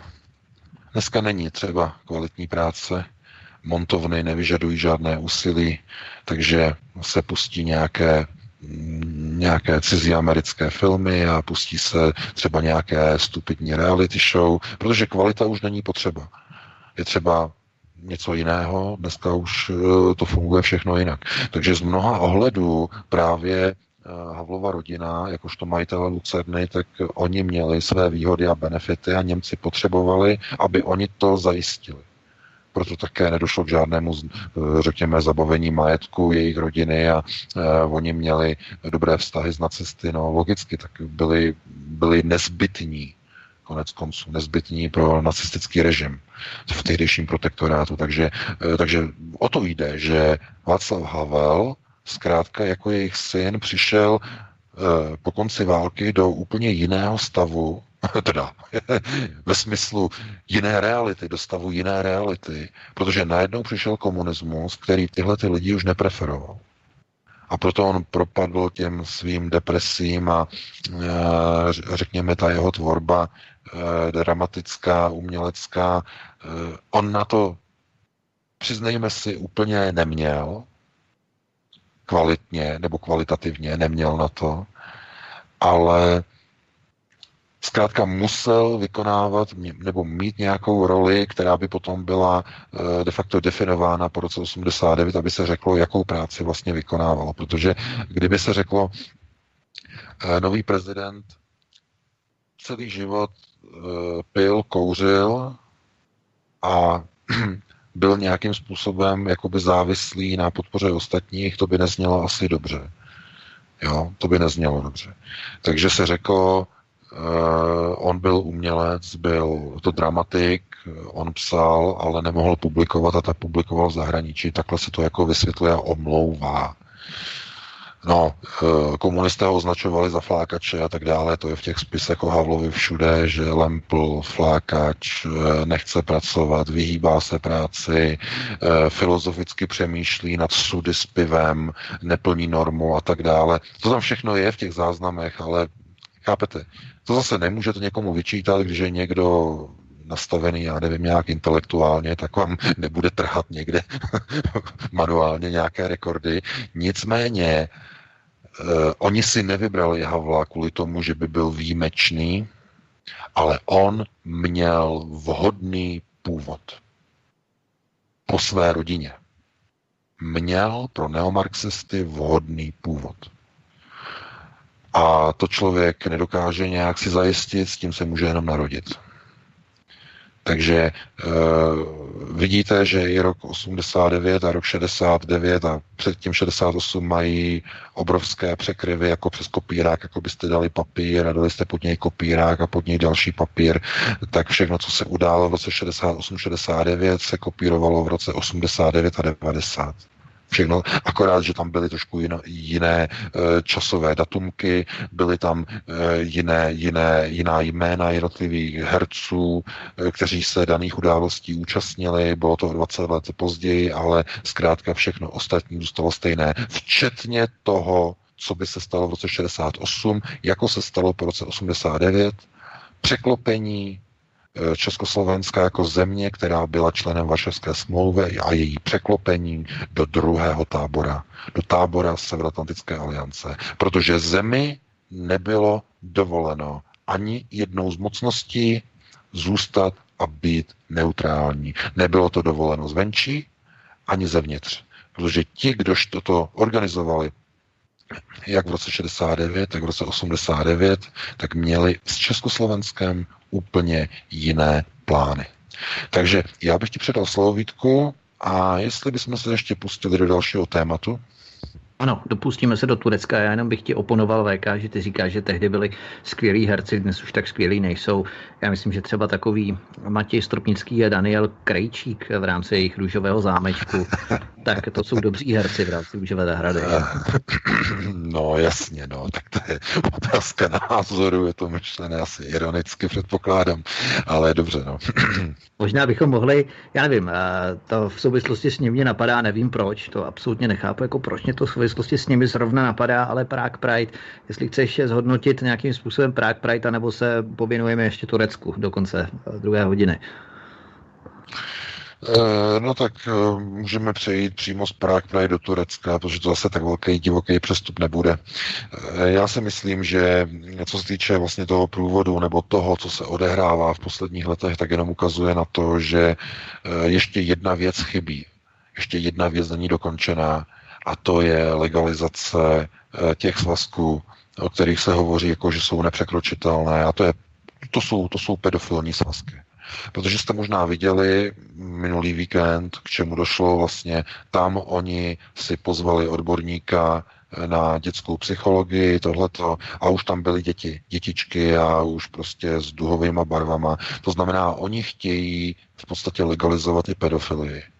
No tohle to jsou procesy chazariátu samozřejmě, protože oni chtějí rozložit tu západní společnost nejenom na úrovni, řekněme, ekonomiky, na úrovni, eh, řekněme, lidských práv, ale především i na úrovni samotného genomu. Tohle to je něco neuvěřitelného. A podívejte se. A to, že eh, celou Prahou pochodují polonazí lidé a tam prostě tam před lidma a tohleto a děti se na to dívají. Kdyby se ty, na, na to ty děti třeba dívaly z, z chodníku, jako to bylo třeba v uplynulých letech, že tam třeba maminka šla já nevím, na nákup a e, šli okolo průvodu a dítě se na to dívalo a zůstalo s otevřenými ústy stát, co je to za blázny a volalo, e, mami, to jsou maškary, to jsou maškary. No a maminka, jako, že tohleto, že to je něco jiného. Ale dneska už je to jiné. Dneska oni do těch průvodů už berou přímo ty děti. Přímo do těch průvodů, přímo vevnitř, v těch uh, kordonách, jak tam jdou, jak tam prochází, tak přímo si za, za ruku vedou děti. A já když jsem si to čet teď na na mainstreamu, tak ta činovnice, tam ty neziskovky Prague Pride, eh, občanská prospěšná společnost OPS, tak ona tam vysvětlovala, že vlastně se jedná o děti, že či jsou to děti, tak jsou to prej děti těch lesbiček těch lesbiček, eh, které mají v normálních jako heterosexuálních svazcích, ale e, po nějaké době se rozhodli, že takzvaně svičnou. To znamená přepnou. Ona říkala svičnout. A e, že jako kdy se to stane, no, že se to stane prý jako velmi často, že mají prostě jako informace, že až 30% žen, jako že chce mít prostě zkušenost s další ženou. A říkala 30%. Jako jo, že je to prostě, že, že to prostě jako uspokojuje jako po stránce jako rovnoprávnosti. Uh, gender equality. Takže jako, že ona bude, jako, jako že prostě oni nepotřebují k tomu muže, k tomu. Já nevím, eh, tohle to zkrátka jsou jiné světonázorové procesy, které by si možná někdo mohl prosazovat u sebe doma nebo v rámci nějakých klubů. Ale pokud to tahá na média nebo to, tahá to do médií a do ulic, tak už je na tom něco špatně. A pokud ty úřady a orgány to dovolují, tak je něco špatného s těmi úřady a s těmi orgány. Protože v Rusku je tady to zakázané, protože je to propagace. Propagace deviantních vztahů. A proč je to tak nebezpečné? No, pro dospělého člověka ne, ten se nad tím jenom zhnusí. Ale je to nebezpečné právě pro ty malé děti, protože ty si utvářejí modely chování zhruba do těch 6-7 let. Tam jsou nejzranitelnější, protože ty děti si vytvářejí takzvané kognitivní modely vnímání. To znamená, to, co vnímají, to se stává modelem, který se ukotvuje do hlubokého podvědomí. Tam jsou ty děti nejzranitelnější. No, takže oni je tam tahají do těch průvodů, aby ty děti si uvědomili, vidíš, tady to jsou ti homosexuálové, oni to mají spolu takhle, oni, si, oni se nemusí vázat konvencema. Ne, ne, ne, oni si to můžou rozhodnout sami. Muž s mužem, žena s ženou. Oni si to můžou sami rozhodnout. No a takhle to vysvětlují potom ty genderové specialistky z těch neziskovek na základních a středních školách, kam chodí diskutovat a přednášet těm dětem a těm studentům, kde říkají, nenechte si rodičmi nadiktovat, koho máte mít rádi. Když máte rádi spolužáka nebo máte rádi toho a toho, eh, tak eh, ho mějte rádi a vykašlete se na rodiče. Takhle prostě oni chodí očkovat uh, děti do základních a středních škol. No a někdo se potom diví, proč je třeba e, omezit vliv neziskového sektoru. Takže e, znovu zase se třeba říká, nebo oni jako říkají, jako že homosexualita, nebo co jsou homosexuálové, takže jako s tím se člověk rodí, že tohle je de facto otázkou jako nějaké genové nebo genetické predispozice, ale to není pravda protože eh, to je jenom část těchto lidí, kteří to mají takzvaně geneticky predisponované. Protože velká část homosexuality vzniká kognitivně, to znamená utvářením modelových vzorců. No, modelový vzorec. Protože eh, sexualita je otázkou vzrušení. Vzrušení vytváří přitažlivost. To není dáno jenom čistě geneticky. No a o tomhle tom, když začnete dneska hovořit s někým, tak vás označí za xenofoba, homofoba, nesnášen, nesnášenlivého člověka nebo nějakého někoho, kdo by měl být umlčen a neměl by publikovat a, a mažou ho z Facebooku a tak dále a tak dále. Ale ne, tak to skutečně opravdu je. Vy, když necháte dítě vyrůstat v rodině, která je, řekněme, sociálně rozbitá, ve smyslu, že tam rodiče kradou, jdou do obchodu a kradou, tak co začne dělat to dítě?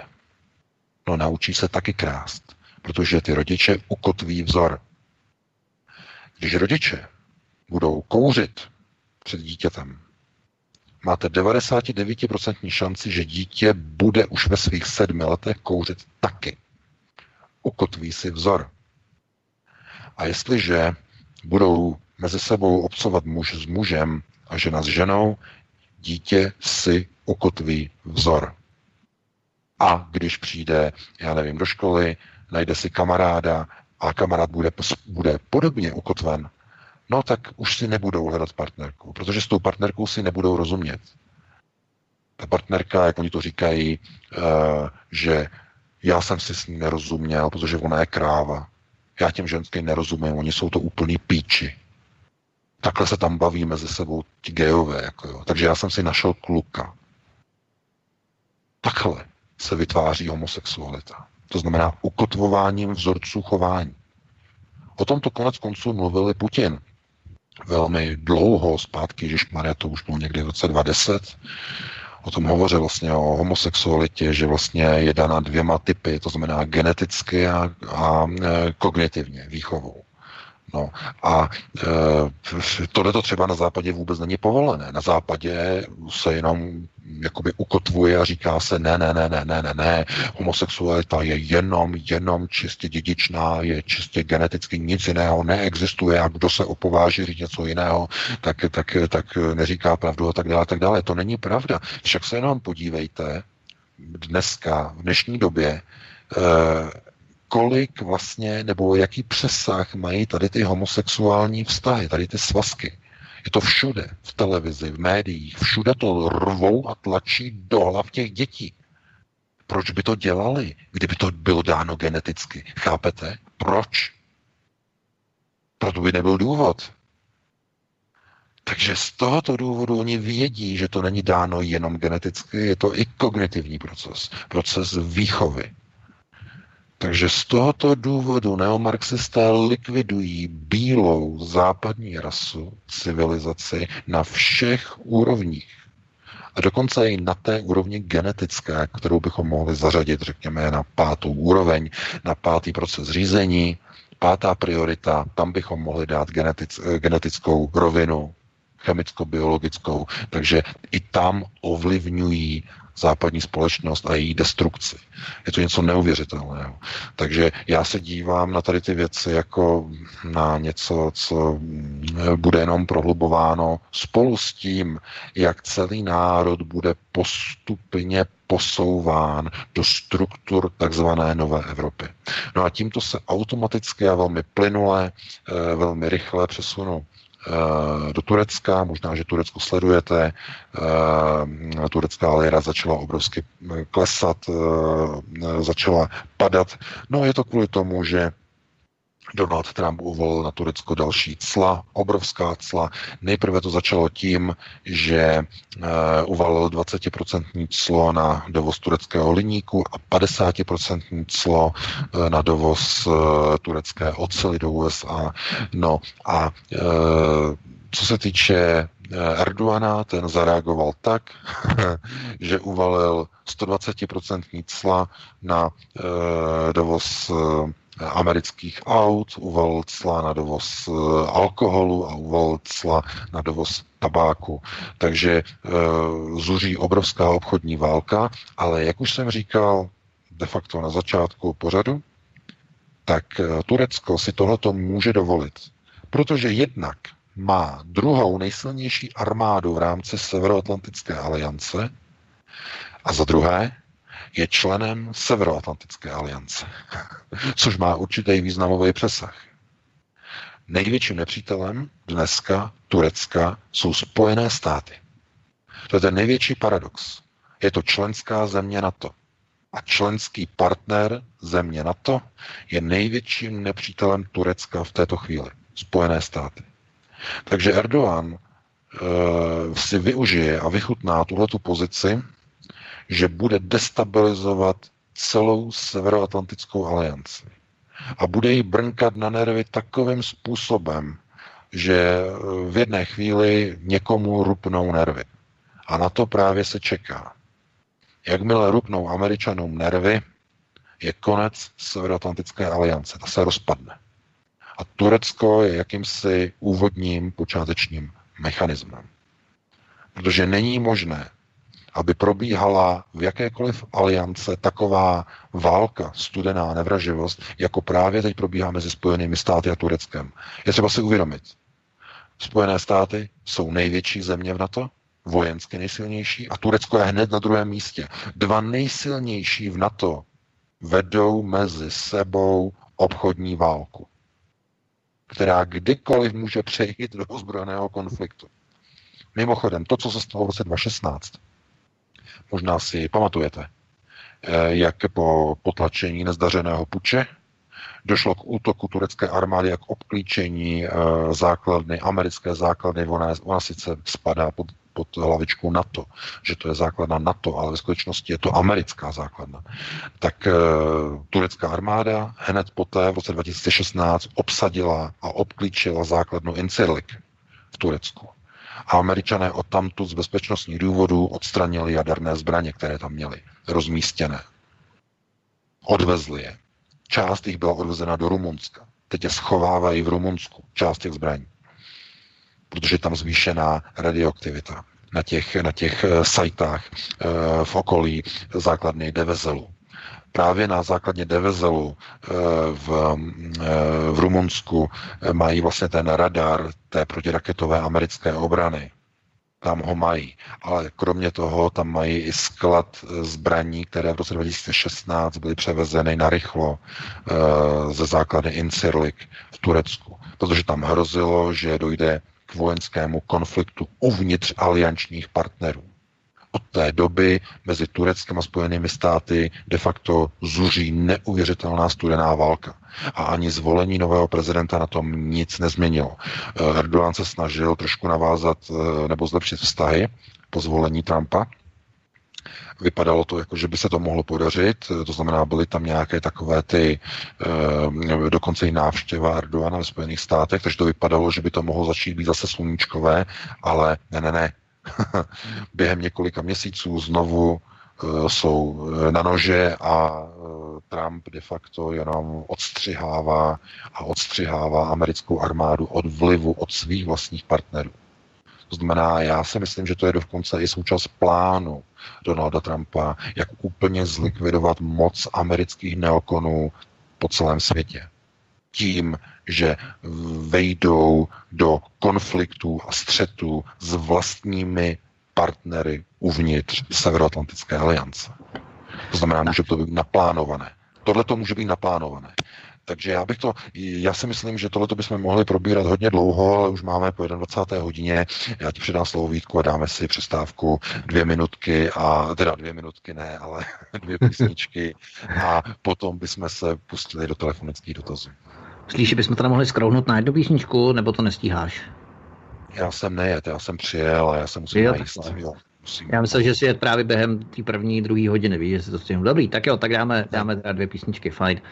Tak jo, tak dáme dvě písničky a potom budeme pokračovat s vašimi dotazy, vážení posluchači, takže si nažávte vaše mobilní telefony a my budeme pokračovat za asi tak zhruba 8 minut, Jirko. No, uvidím. Záka mám takový časy, že zrovna 8 minut je hodně obtížný, spíš těch 9 a půl minutky. To nevá, to nevá. Takže eh, po těch 9,5 minutkách opět písničky, jedna písnička ze zahraničí, ale ne až tak dalekýho, se vrátíme do třetí, poslední části pořadu Hovory u Klábosnice, otázky a odpovědi a telefonní číslo už si můžete připravit na displeji vašeho mobilního telefonu 775 085 304, abyste mohli zavolat co nejdřív, takže zatím.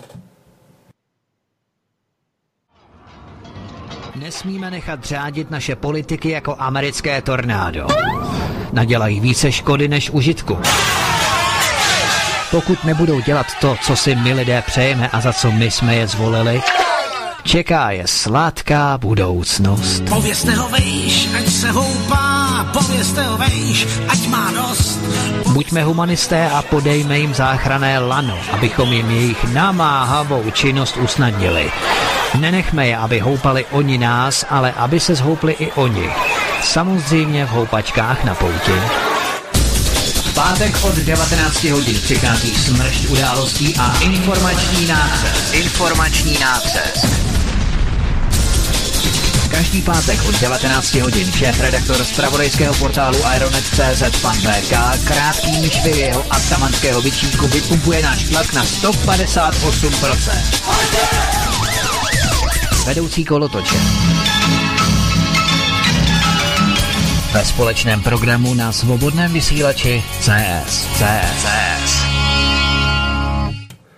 Takže vítejte do poslední části, třetí části pořadu Hovory od Klábosnice a je to spíš telefonáty, protože ty vždycky telefonujou, takže telefonní číslo je otevřené na telefonním čísle 775 085 304, anebo taky e-maily, který už mi pár přišlo, studio.klatovy na gmailu.com.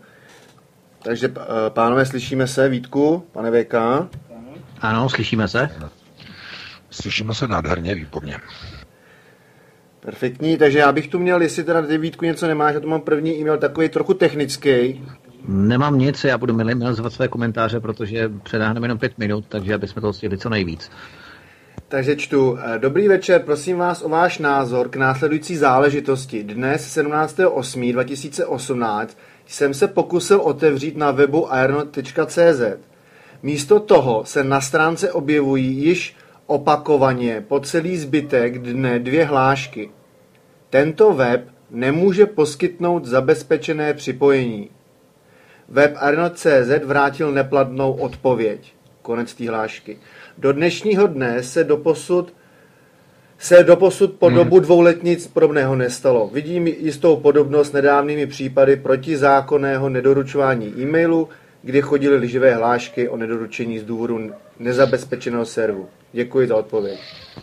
Jako to mi občas taky píčou nějaký server, jestli to není nějaká certifikace VK, nebo nemyslíš? Ne, ne, ne, ne, ne, prosím vás, tohle to, to už mi říkal administrátor, několikrát to zopakoval, to je způsobené tím, že používáte e, zastaralé prohlížeče a zastaralé operační systémy. No, e, tohle to se, zob, e, se zobrazuje v případě, že používáte operační systém Windows XP, který obsahuje přes v dnešní době už přes 480 nezáplatovaných děr.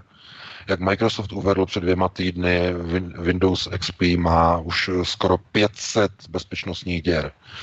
Nikdo už by neměl XP vůbec dneska používat z bezpečnostních důvodů. Eh, ale tohle to se zobrazuje právě na XPčkách lidem, eh, kteří zkrátka z nějakého důvodu stále zůstávají u 17 let starého operačního systému.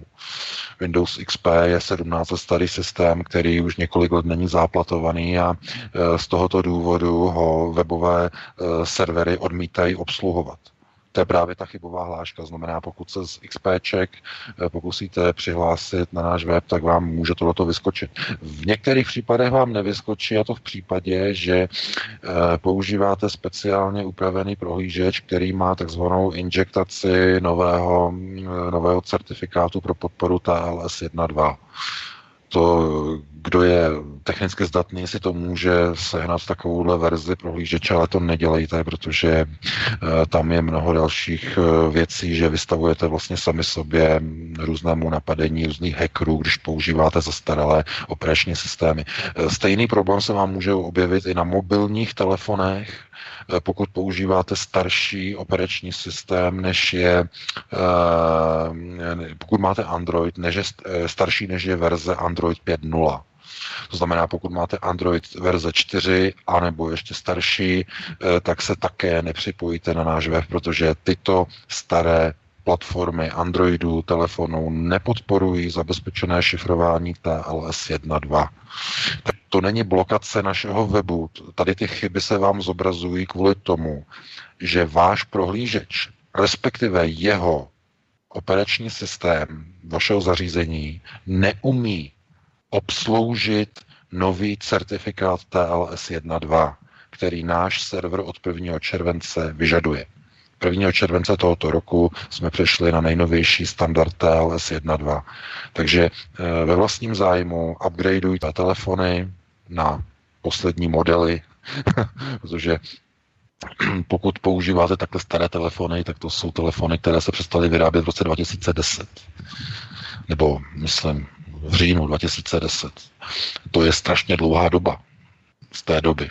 Jo, to znamená, že tohle to už je opravdu velmi, velmi dlouho, velmi dávno a musíte zkrátka e, zabezpečit jak své mobilní zařízení nebo pořídit si nové telefony nebo nové operační systémy. Nemusí to být Windows, může to být třeba nějaký Linuxový systém, e, já nevím, nějaký Linux Mint nebo něco podobného, ale tohle to opravdu není blokací. To znamená, pokud se vám objeví chyba připojení, to znamená, že server odmítl spojení e, nebo konektivitu nebo neumí obsloužit, tak je to kvůli tomu, že máte zastaralý buď operační systém, anebo zastaralý mobilní telefon. Takže takhle bych to uzavřel. Tak máme telefony do koho ještě, máme? Ano, máme, už čeká a já za sebe jenom přidám, vyzkoušejte Linux, Ubuntu a první telefonát vysílání, můžete se zeptat. Dobrý večer, já jsem posluchač Milan z Prahy a já bych měl takovou velmi jednoduchou a lehkou připomínku. Vy jste tam říkali o těch paralelách mezi rokem 68 89, tak bych jenom řekl, že manželka Michaila Gorbačova, Rajza Gorbačová, byla tehdy v Sovětském svazu prezidentkou Sorošových fondů. Jo, to znamená, aby jsme to tam jaksi doložili. Už tehdy měl Soros eh, v Sovětském svazu jaksi své, eh, eh, své pomocné fondy a právě nejspíš asi tam v té rodině vládla ta dáma, takže to, takže to takhle fungovalo. To bych asi jenom tak měl takovou poznámku, docela si myslím příhodnou. Já vám děkuji pěkně a nashledanou. Děkujeme Milané za připomínku, to je zajímavé. A věděl jsi to, já jsem to nevěděl. No, to je, to je nová informace, no, takže by, že by se už aktivizoval, protože já vím, že George Soros se začal aktivizovat hlavně tady v 90. letech, eh, on teda působil už v 80. ale eh, že by měl systémový přesah eh, do roku, pán říkal kdy, do jakého roku? Teď jsem měl... 68 dokonce. To mi nějak, no, Kdyby to bylo rok 89, tak to bych, to bych třeba tomu rozuměl, ale já teď nevím, jestli George Soros byl aktivní v neziskovém sektoru už v koncem 60. let. To nevím, to je prostě... V 80. letech podporoval nejenom Adama Michnika v Polsku v rámci charty, že 77 v rámci Solidarity mm. v mhm. Polsku, ale podporoval právě i Adama, ne, jak se jmenoval, Andreje Dmitrieviče Sakarova, toho eh, sovětského fyzika. No, no, no. Tak to je, že ano, ano, ano.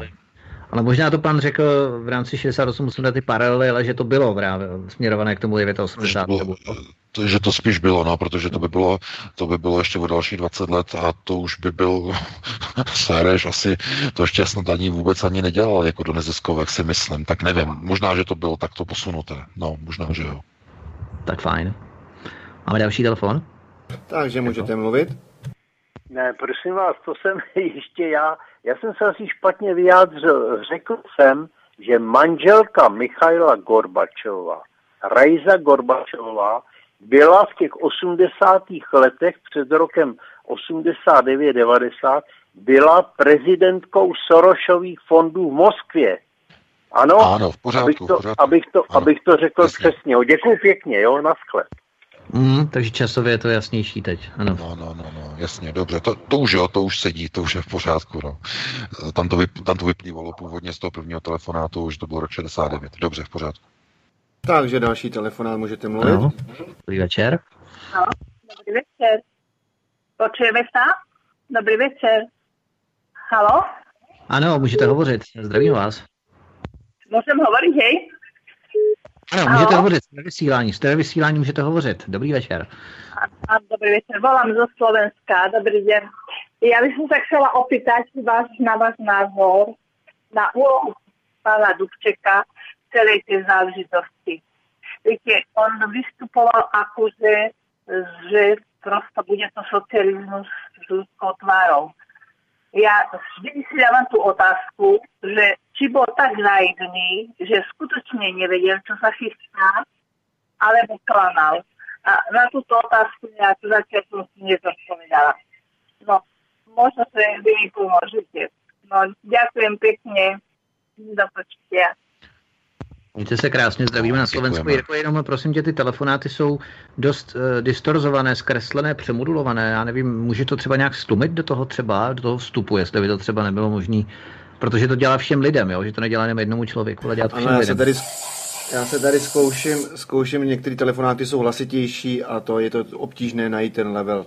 Snažím Jasně. se samozřejmě. Jasně, v pohodě, super. Tak VK, povídej, byl Dubček naivní nebo věděl, co se chystá? Uh, no takhle, kdyby byl, uh, kdyby byl Aleksandr Dubček součástí těch procesů, uh, které vlastně vznikly a byly vlastně uskutečněny, uskutečněny po roce 89, to znamená vstup do Severoatlantické aliance, tak by Dubček nebyl hned na začátku 90. let odstraněn. Oni to moc dobře věděli. To znamená, že já se dívám na Dubčeka jako na opravdu toho takzvaného českého titovce, který chtěl kopírovat model Eh, takzvaného jugo-československa, znamená socialismu, eh, vlády dělnické třídy, to znamená socialistický systém s lidskou tváří, s otevřenými hranicemi, eh, s volným trhem, ale budování socialismu. No a to je co? No to je dnešní model Číny. To je to samé. To znamená, Dubček byl vizionář. To, co s úspěchem realizovala Čína, protože to je model socialismu s kapitalismem, jo, kombinované. To znamená, mají tam zajištěné ty sociální benefity, za sociální jistoty, ale stále je tam budovaný socialismus e, s e, komunistickou stranou Číny v čele. Takže takhle to chtěl Dubček. Takhle, jako to vypadá v Číně, podobně, ne v tak velkém rozsahu, ale stejně politicky to chtěl mít Dubček nastavené. A to bylo nepřijatelné pro ty, kteří zorchestrovali rok 89. Tehdy už bylo rozhodnuto, že ne, žádný socialismus, žádná lidská tvář, ne. Tvrdý kapitalismus a příklon e, systému na západní stranu. To znamená vstup Československa do Severoatlantické aliance a postavení se proti Sovětskému svazu, který se potom rozpadl a postavení Československa proti Rusku. Takže takhle to bylo nastavené. A proto oni nemohli dovolit, aby se Dubček po roce 89 dostal k moci. Proto byl odstraněn. No, tak tragicky. Eh, je to naprosto jednoduché, protože on byl ten hlavní, ten který měl ten myšlenkový tah v roce 68, že on posune to Československo do toho modelu Jugoslávie, i když k tomu neměl mandát ze zdola, což byla ta největší krize. On kdyby měl mandát ze zdola od voličů, Brežněv by nemohl zasáhnout, protože už by nešlo říct, že se jedná o zásah proti kontrarevoluci. Chápete? Rozumíte tomu? Že jenom kvůli tomu, že UVKSČ v roce 68 obešlo legislativní proces a nešlo si říct o ten mandát ke změnám politického směřování k voličům, k občanům tehdejšího Československa, tak tím dalo Brežňovi do ruky mandát k útoku, k útoku a e, k invazi. Protože on řekl, je to kontrarevoluce u VKSČ, vznikl tam puč a bez mandátu lidu oni chtějí vytáhnout Československo ze socialistického systému světového směřování. Tam byla ta chyba. To je celé. To znamená, že tam udělal Dubček a jeho nejbližší tu největší chybu. A proč oni to takhle udělali, to jsem říkal v první hodině. Oni věděli, že takové, i kdyby to bylo třeba lidové referendum tehdy, co neuvěřitelného tehdy. Ale i kdyby to udělali formou referenda, oni neměli jistotu, že lid bude chtít jít směřovat cestou západního směru. To znamená, že i kdyby jim naslibovali jugoslávský model, tak by jim museli říct, že dříve či později to půjde do směru e, takzvaného kapitalismu. Se všemi těmi jasnými dalšími důsledky. To znamená, buď by lidem lhali u toho referenda, řekli by jim, Žádné zdražování nebude, nikdo nikoho propouštět nebude, čekají nás do deseti let srovnatelné platy se západním Německem, jak bylo slibováno mimochodem různými politiky v roce 90. A tohleto, kdyby udělali, tak by vlastně podvedli lid. Takže bylo rozhodnuto už vlastně na jaře 68, že nikdo se lidu ptát nebude, že zkrátka se udělá změna, politická změna, vytrhne se Československo ze systému Varšavské smlouvy, udělá se systém takzvaného socialismu s lidskou tváří, eh, soukromé podnikání, eh, přesun, otevření hranic, dalším, eh, další věci bylo otevření školství, to znamená, aby čeští studenti mohli, nebo česko, českoslovenští studenti mohli studovat na západě, to by znamenalo vytvoření nové nové ligy, nové charty, to znamená mládež by začala získávat západní vzdělání, ale i západní myšlení. To by, bylo, to by byl rozvrat. To znamená, že i kdyby to prošlo v roce 68, tak do 20 let by se z toho socialistického státu s lidskou tváří stala západní kapitalistická společnost v dalších nebo nejbližších volbách. To znamená, kdyby volby svobod, je, ještě dokončím, kdyby eh, po roce 68 byly někdy uspořádány třeba svobodné volby, někdy v roce 70, nebo tak, jak to bylo původně ještě Smrkovským plánováno, tam měly být jako nové volby, eh, tak by tam lidé si zvolili nějaké reprezentativní směřování, něco, a už další volby v roce 74 nebo další, někde tam v tom okolí, v, tam v té blízkosti, tam už by lidé přímo volili kapitalismus. To znamená, že tam to tam nebylo na výběr a Dubček zkrátka to neměl podchycené ze strany lidu, to znamená neměl ze zdola mandát od lidu, bylo to udělané formou vnitrostranického puče na jaře 68 uvnitř UVKSČ. A to byl začátek konce celého pražského jara, protože Dubček se neopíral o mandát lidu. Tak, máme telefon. Ano, jste v, v éteru, můžete mluvit. E, dobrý večer, tu je Michal zo Slovenska, počujeme sa však. Dobrý večer, zdravíme na Slovensko, pojdejte. E, ja by som len chcel reagovať na pána VK ohľadom vyjadrenia e, o pánovi Sorošovi, že začal svoju činnosť okolo 90. rokov. Na internete e, je ľahko dostupné je ľahko dostupná fotografia pána Soroša spolu s pánom Dubčekom v pražskej kancelárii. Čiže pra, pán Soroš začal svoju činnosť oveľa, oveľa skôr. To len na Margo. Dovidenia. Mm, děkujeme. No, děkujeme, děkujeme. Já nevím, já jsem tu fotografii neviděl, takže to nedokážu přesně teď eh, identifikovat, jako kdy začal přímo uh, fungovat uh, pan Soros, uh, začal zajímat to Československo. Uh, to by bylo věci jiného, nějakého jiného, jiného pořadu, ale je to zajímavá informace určitě. Takže máme tak. hned další telefonát, můžete mluvit. No, dobrý večer, jsem ve vysílání. Ano, povídejte, jste ve vysílání.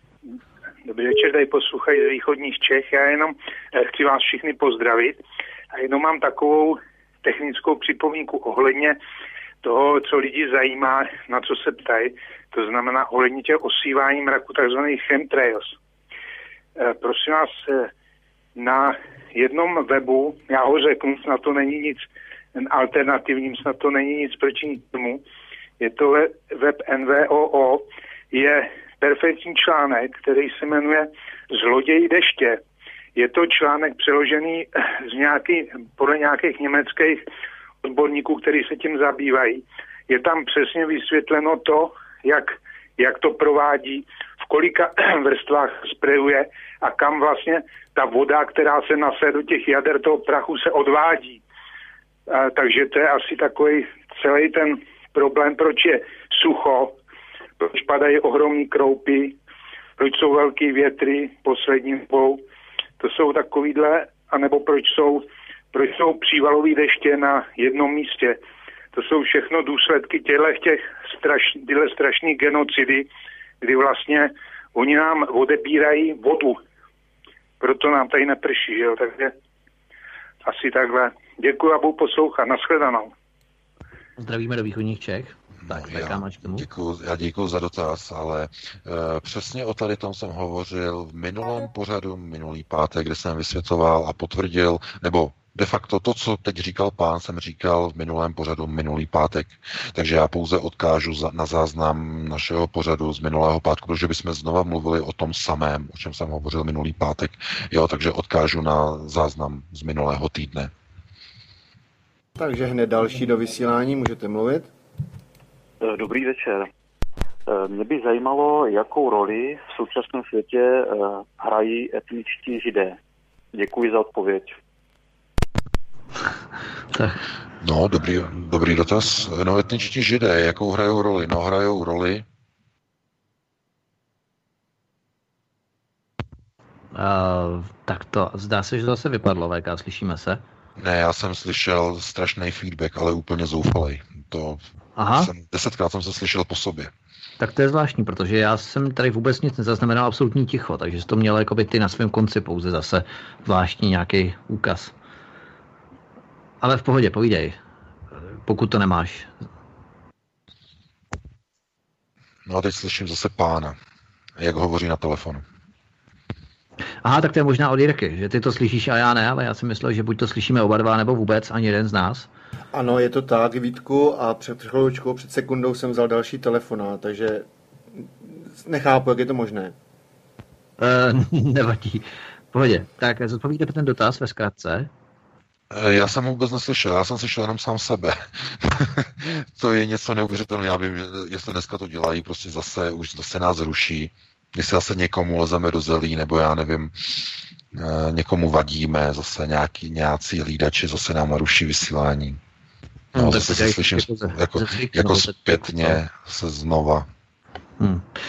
Takhle, eh, otázka zněla, jakou roli hrají etničtí židé v současném uspořádání světa. To je tak všeobecně ladená otázka, že já nevím, jestli vůbec má cenu na to odpovědět. A jasně. Mm, jasně, jasně. No tak jak, jakou hrajou roli? Oni hrajou roli e, tu samou, jako hrajou eh, křesťané, jako hrajou muslimové, e, jako hrajou hinduisté. To znamená, oni s nějakým způsobem budou chtít chránit svůj životní prostor, protože vždycky tady ty různá etnika nebo různá etnika jsou vždycky vázána k nějakému prostoru. A proč jsou ve válce se sionisty? No, protože sionisti nejsou vázaní k žádné zemi. Jejich domovem je celý svět a světovláda. Proto oni mají, oni nejsou ukotveni v rámci státu Izrael. Izrael je pro sionisty pouze nástroj pro vyvolání obrazu Talmudu a jejich a tal, e, naplnění písma Talmudu o zničení takzvaného Velkého Izraele. Jsou dva kroky. Nejprve Velký Izrael a potom jeho zničení. Na jehož základě potom budou syné, synové Izraele Eh, jmenováni a uvedeni jako eh, vládci celého světa. To znamená, dojde k absolutní diaspoře všech eh, židů. Oni tomu říkají, že se stanou v podstatě doma na celém světě. A k tomu naplnění tohoto písma je potřeba nejprve vytvořit velký Izrael a následně ho zničit. To je ta vize o něch sedmi sluncí, které se rozsvítí nad zemi izraelskou a v ohni se žehnou celý prostor Blízkého východu a e, nad spálenou zemí e, přistanek e, e, výsost e, Boha, Bůh se stoupí na zemi e, v, ve, svém, ve svém království a jmenuje Židy e, v podstatě de facto největšími vladaři, jedinými vladaři celého světa.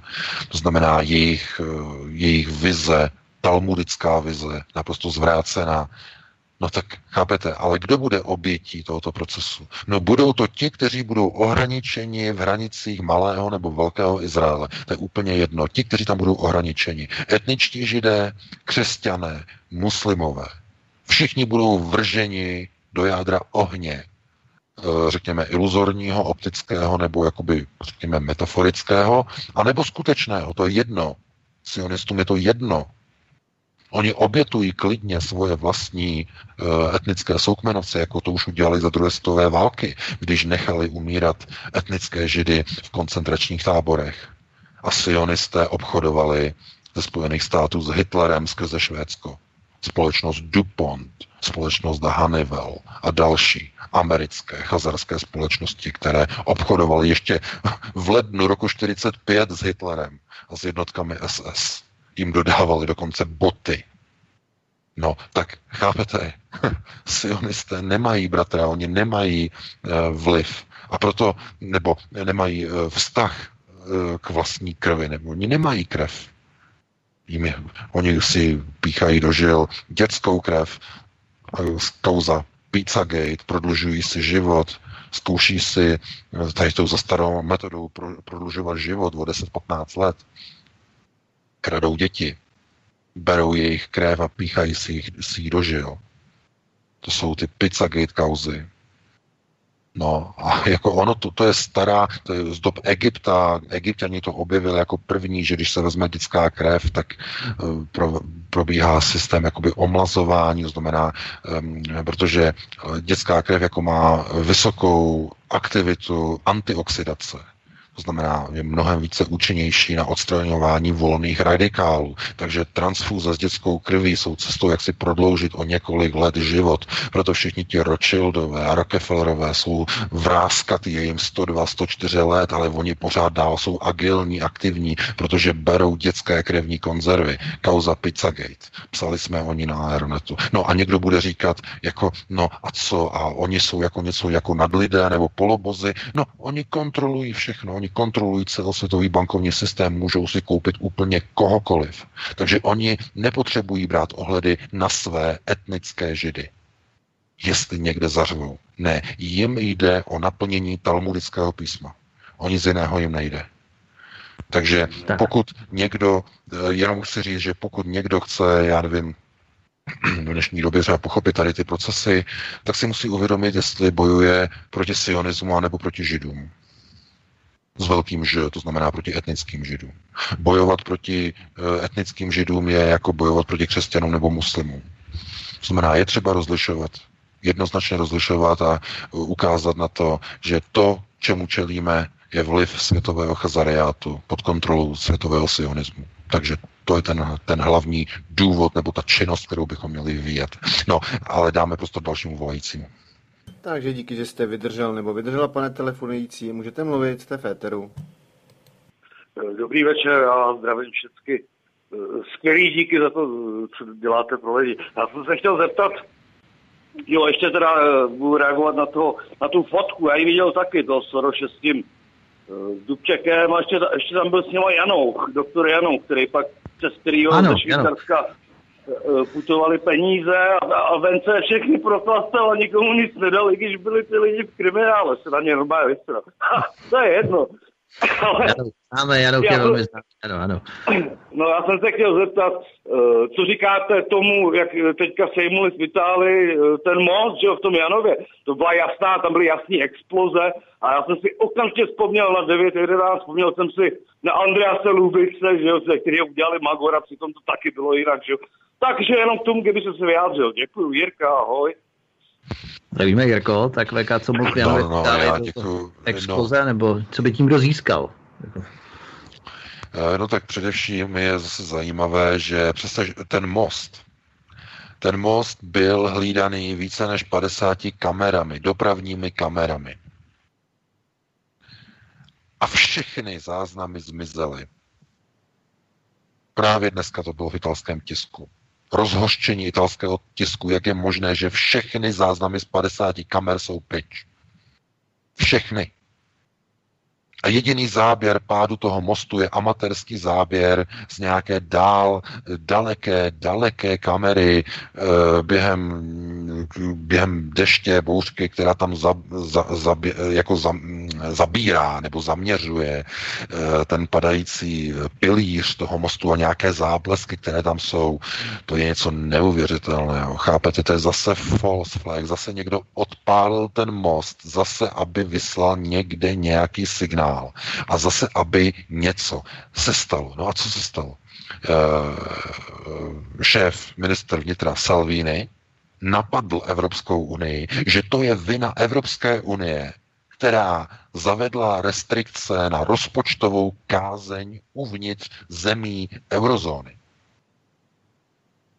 Italské mosty jsou v katastrofálním stavu ale kvůli rozpočtové kázni si nemůžou jednotlivé země eurozóny půjčovat tolik peněz, než tolik dovolí, eh, řekně, řekněme tady ty normativy evropské rozpočtové kázně. Takže hned to využil na to, aby Itálie mohla tyto rozpočtové škrty, eh, aby mohla eh, porušit, přejít je a aby si mohla vydupat zrušení rozpočtové kázně. Takže to, to je něco neuvěřitelného. Takže co to znamená? Že přímo Salviniho vláda odpálila ten most, aby následně si mohla vydupat zrušení rozpočtové kázně uvnitř eurozóny?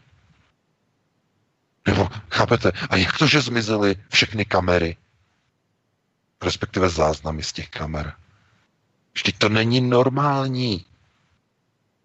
Takže já se na to dívám jako zase na další false flag a mě už to vůbec ani nepřekvapuje, protože eh, to, co probíhá v celé Evropě, tak je de facto je nakročeno k rozpadu Evropské unie.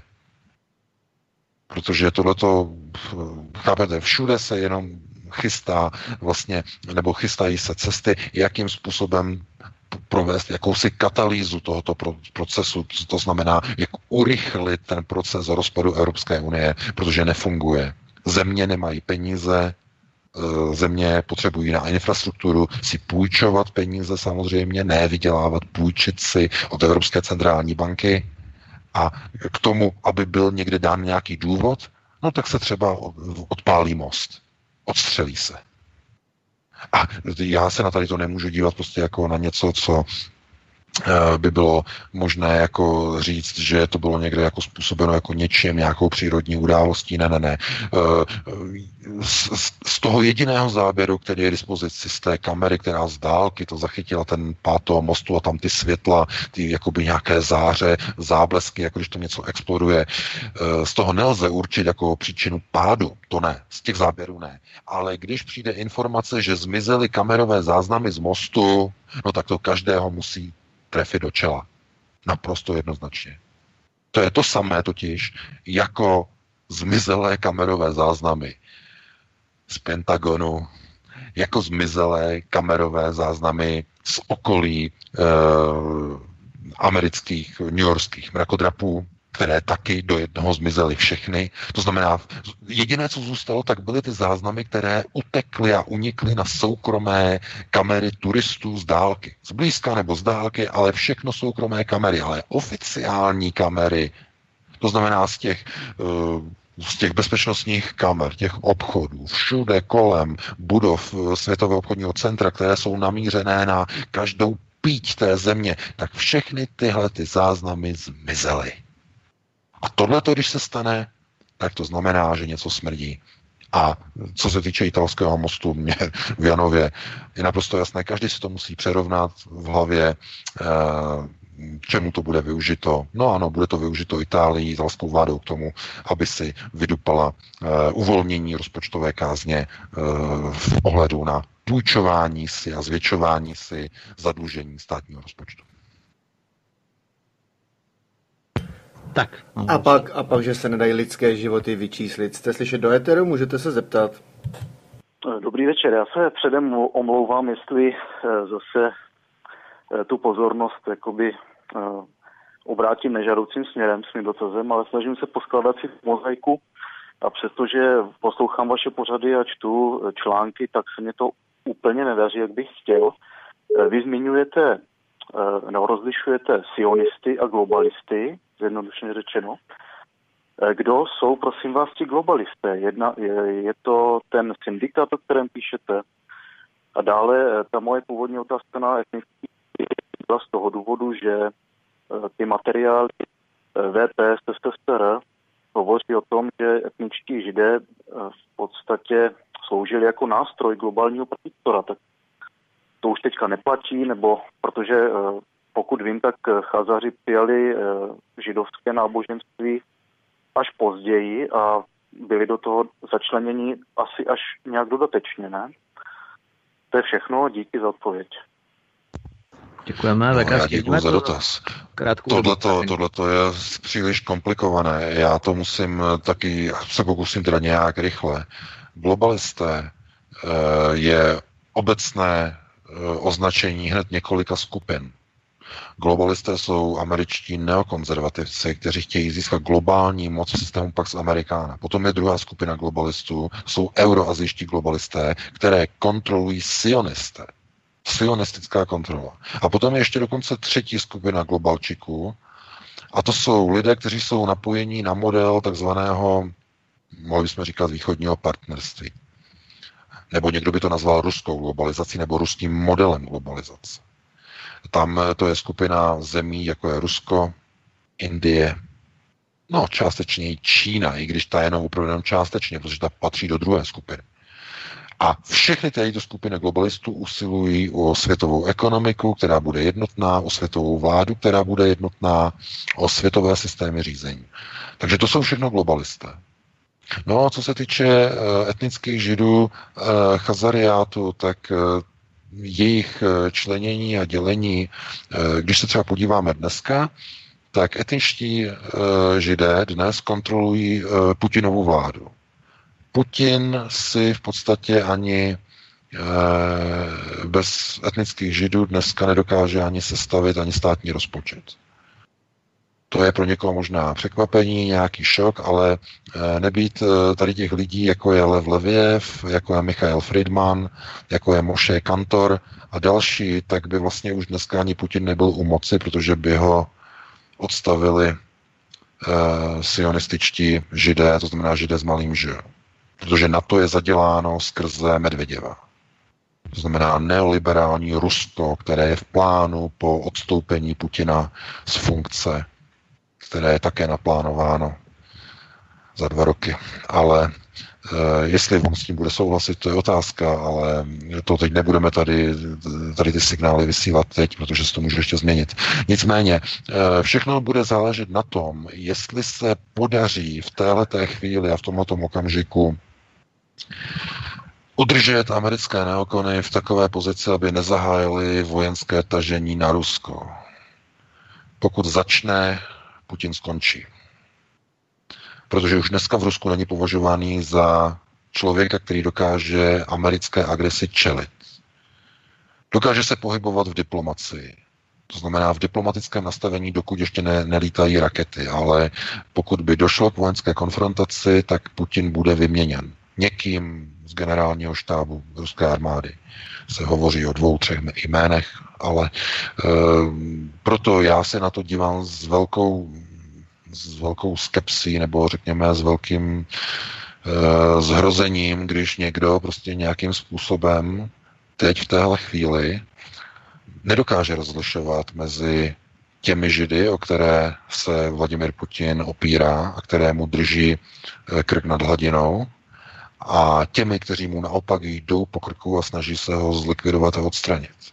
To znamená, pokud nedokážeme mezi těmito dvěma skupinami židů roz, rozlišovat, tak se eh, vystavujeme riziku, že dokonce budeme pomáhat našim úhlavním nepřátelům. Myslím na alternativy. To by bylo se na jinou diskuzi samozřejmě, ale já eh, třeba registruji nebo vidím v různých diskuzích, nejenom na Aeronetu, ale i jinde, že ten hlavní rozdíl války mezi Židy a Židy že úplně jakoby zaniká, lidé ho nedokážou pochopit a nedokážou ho de- eh, dešifrovat a definovat a um, z toho potom vyplývají různé schizofrenní situace, kdy například Rusko je vykreslováno jinak, než tak, jak by mělo být vykreslováno. Rusko bojuje o přežití a snaží se ale zároveň prosazovat koncept globální ruské moci, to znamená e, systém globalizace na ruský způsob, který ovšem nevychází z hlavy Vladimira Putina, ale z hlavy lidí, kteří mu dělají eh, takzvané končele. To znamená, jsou ti lidé jako Moše Kantor, lidé jako Lev Leviev, Michal Friedman a další. Jsou ti, kteří určují ekonomickou eh, viabilitu, schůdnost dnešního Ruska. To jsou ti, kteří rozhodli o tom, že v Rusku se bude odcházet později do důchodu, a to jsou ti, kteří rozhodli, že Putin proti tomu nesmí říct ani slovo. Což to si možná všimli. Takže proto z tohoto důvodu je vysvětlování toho, jak důležitý e, efekt nebo řekněme úlohu mají etničtí židé minimálně na Rusko z tohoto to, myslím, jasně vyplývá, ale hovořit teď obecně a komplexně o chazariátu, o etnických židech, na to opravdu nemáme čas, protože máme tady telefonické dotazy. Eh, já nevím, jestli stihneme ještě jeden dotaz? No, to jsem to chtěl taky zeptat, stihneme jako ještě. No, vzhledem k tomu, že tady Byla, čeká... No, určitě, tak vezmeme. A studio se neozývá po nás, takže určitě pár minutek můžeme přetáhnout. Ne, ne, ona jede Petr, já ho odvysílám, to jede z premiéra, jakoby pořad, který tady mám a odvysílám ho já, takže pojede, ale eh, v pohodě pět minut ještě můžeme počkat. Takže poslední telefonát, můžete se zeptat? Já, ich komme zwischen. Ja, bitte. Halo? Například. Dobrý večer, a máte tam něco puštěného v pozadí, co tam mluví? Já. Dobrý večer. Halo, slyšíte mě? Dobrý večer, slyšíme vás, můžete hovořit. Tady je Václav od Plzně. Já bych se chtěl jenom pana VK zeptat, co si myslí o, o předvčerejším útoku Vatikánu na pana e, Putina ohledně Anunaky Nefilim. Děkuji za věci a budu poslouchat. Naschle. No, já děkuji za dotaz, ale já se přiznám, to jsem vůbec nezaregistroval. To, to mi úplně momentálně uniklo, musím se na to podívat. Já Ty jsi to zaregistroval, Vítku? Ne, absolutně no, vůbec. No, bohužel. Vůbec, vůbec jsem, ne, jsem nezaregistroval. Podívám se, vyhledám si to na internetu, podívám se na to, o co vlastně šlo. Dobře. Takže to byl poslední dotaz. Já teda bych se teda rozloučil, já teda děkuji posluchačům, že doufám, že dneska to bylo zajímavé, že jsme neotrávili moc teda tím, že jsme začali o něco později. Já se s tebou loučím, Vítku, loučím se i s tebou, Jirko, a se všemi posluchači a čtenáři Aerotu.cz. Uslyšíme se opět příští týden v pátek o 19 hodin a opět probereme aktuální a nová témata. Takže teď vám všem přeji krásnou dobrou noc. Ty VK říkáš o 19 hodin, abych to spíš možná dal na 19.05, ne? no, to, jak říkám, jak to stihnu, tak to stihnu. Dobře, Dobře, fajn. Já se taky loučím se všema, Jirko. Mně se hezky děkuju moc, že si to vzal po druhé. VK taky se s tebou loučím, měj se hezky, hezký víkend. Odpočín si, odpočíme si všichni v parném víkendu. Je to jeden z možná posledních nebo předposledních párních víkendů. A my se s vámi loučíme příští pátek, jsme to opět o 19 hodinou, po 19. hodině s čerstvými informacemi, které se odehrají tento, nebo koncem tohoto, začátkem příštího týdne. Já počkám, až mi Jirka pošle pořád, šoupneme to i hned na YouTube. Doufám, že to stihneme ještě třeba do dvou do tří hodin, aby to tam bylo, aby lidé mohli poslouchat a dívat se na video, které bylo doprovázeno tímto pořadem. Takže to by bylo vše, mějte se krásně, od mikrofonu a zdravý vítek a hezký víkend a hezký večer. Ano, a k rozloučení se samozřejmě přidávám i já, Jirka ze studia Klatovi a, při, a slibuju, příští týden už to bude dělat jiné studio. Rád vypomůžu, samozřejmě není problém, ale takže se uslyšíme ze studia Klatovi, panem VK a Vítkem, až zase poslední pátek v měsíci, což asi vychází na 31. nějak tak. Takže se mějte. Doufám, že eh, většina otázek byla odpovězena k vaší spokojenosti. E-maily se omlouvám, bylo jich tu pár, ale jak víte, telefon má přednost a telefonní linka dneska se ani nezastavila, takže se mějte, fajn a poslouchejte dál a samozřejmě i příští týden, takže naslyšenou.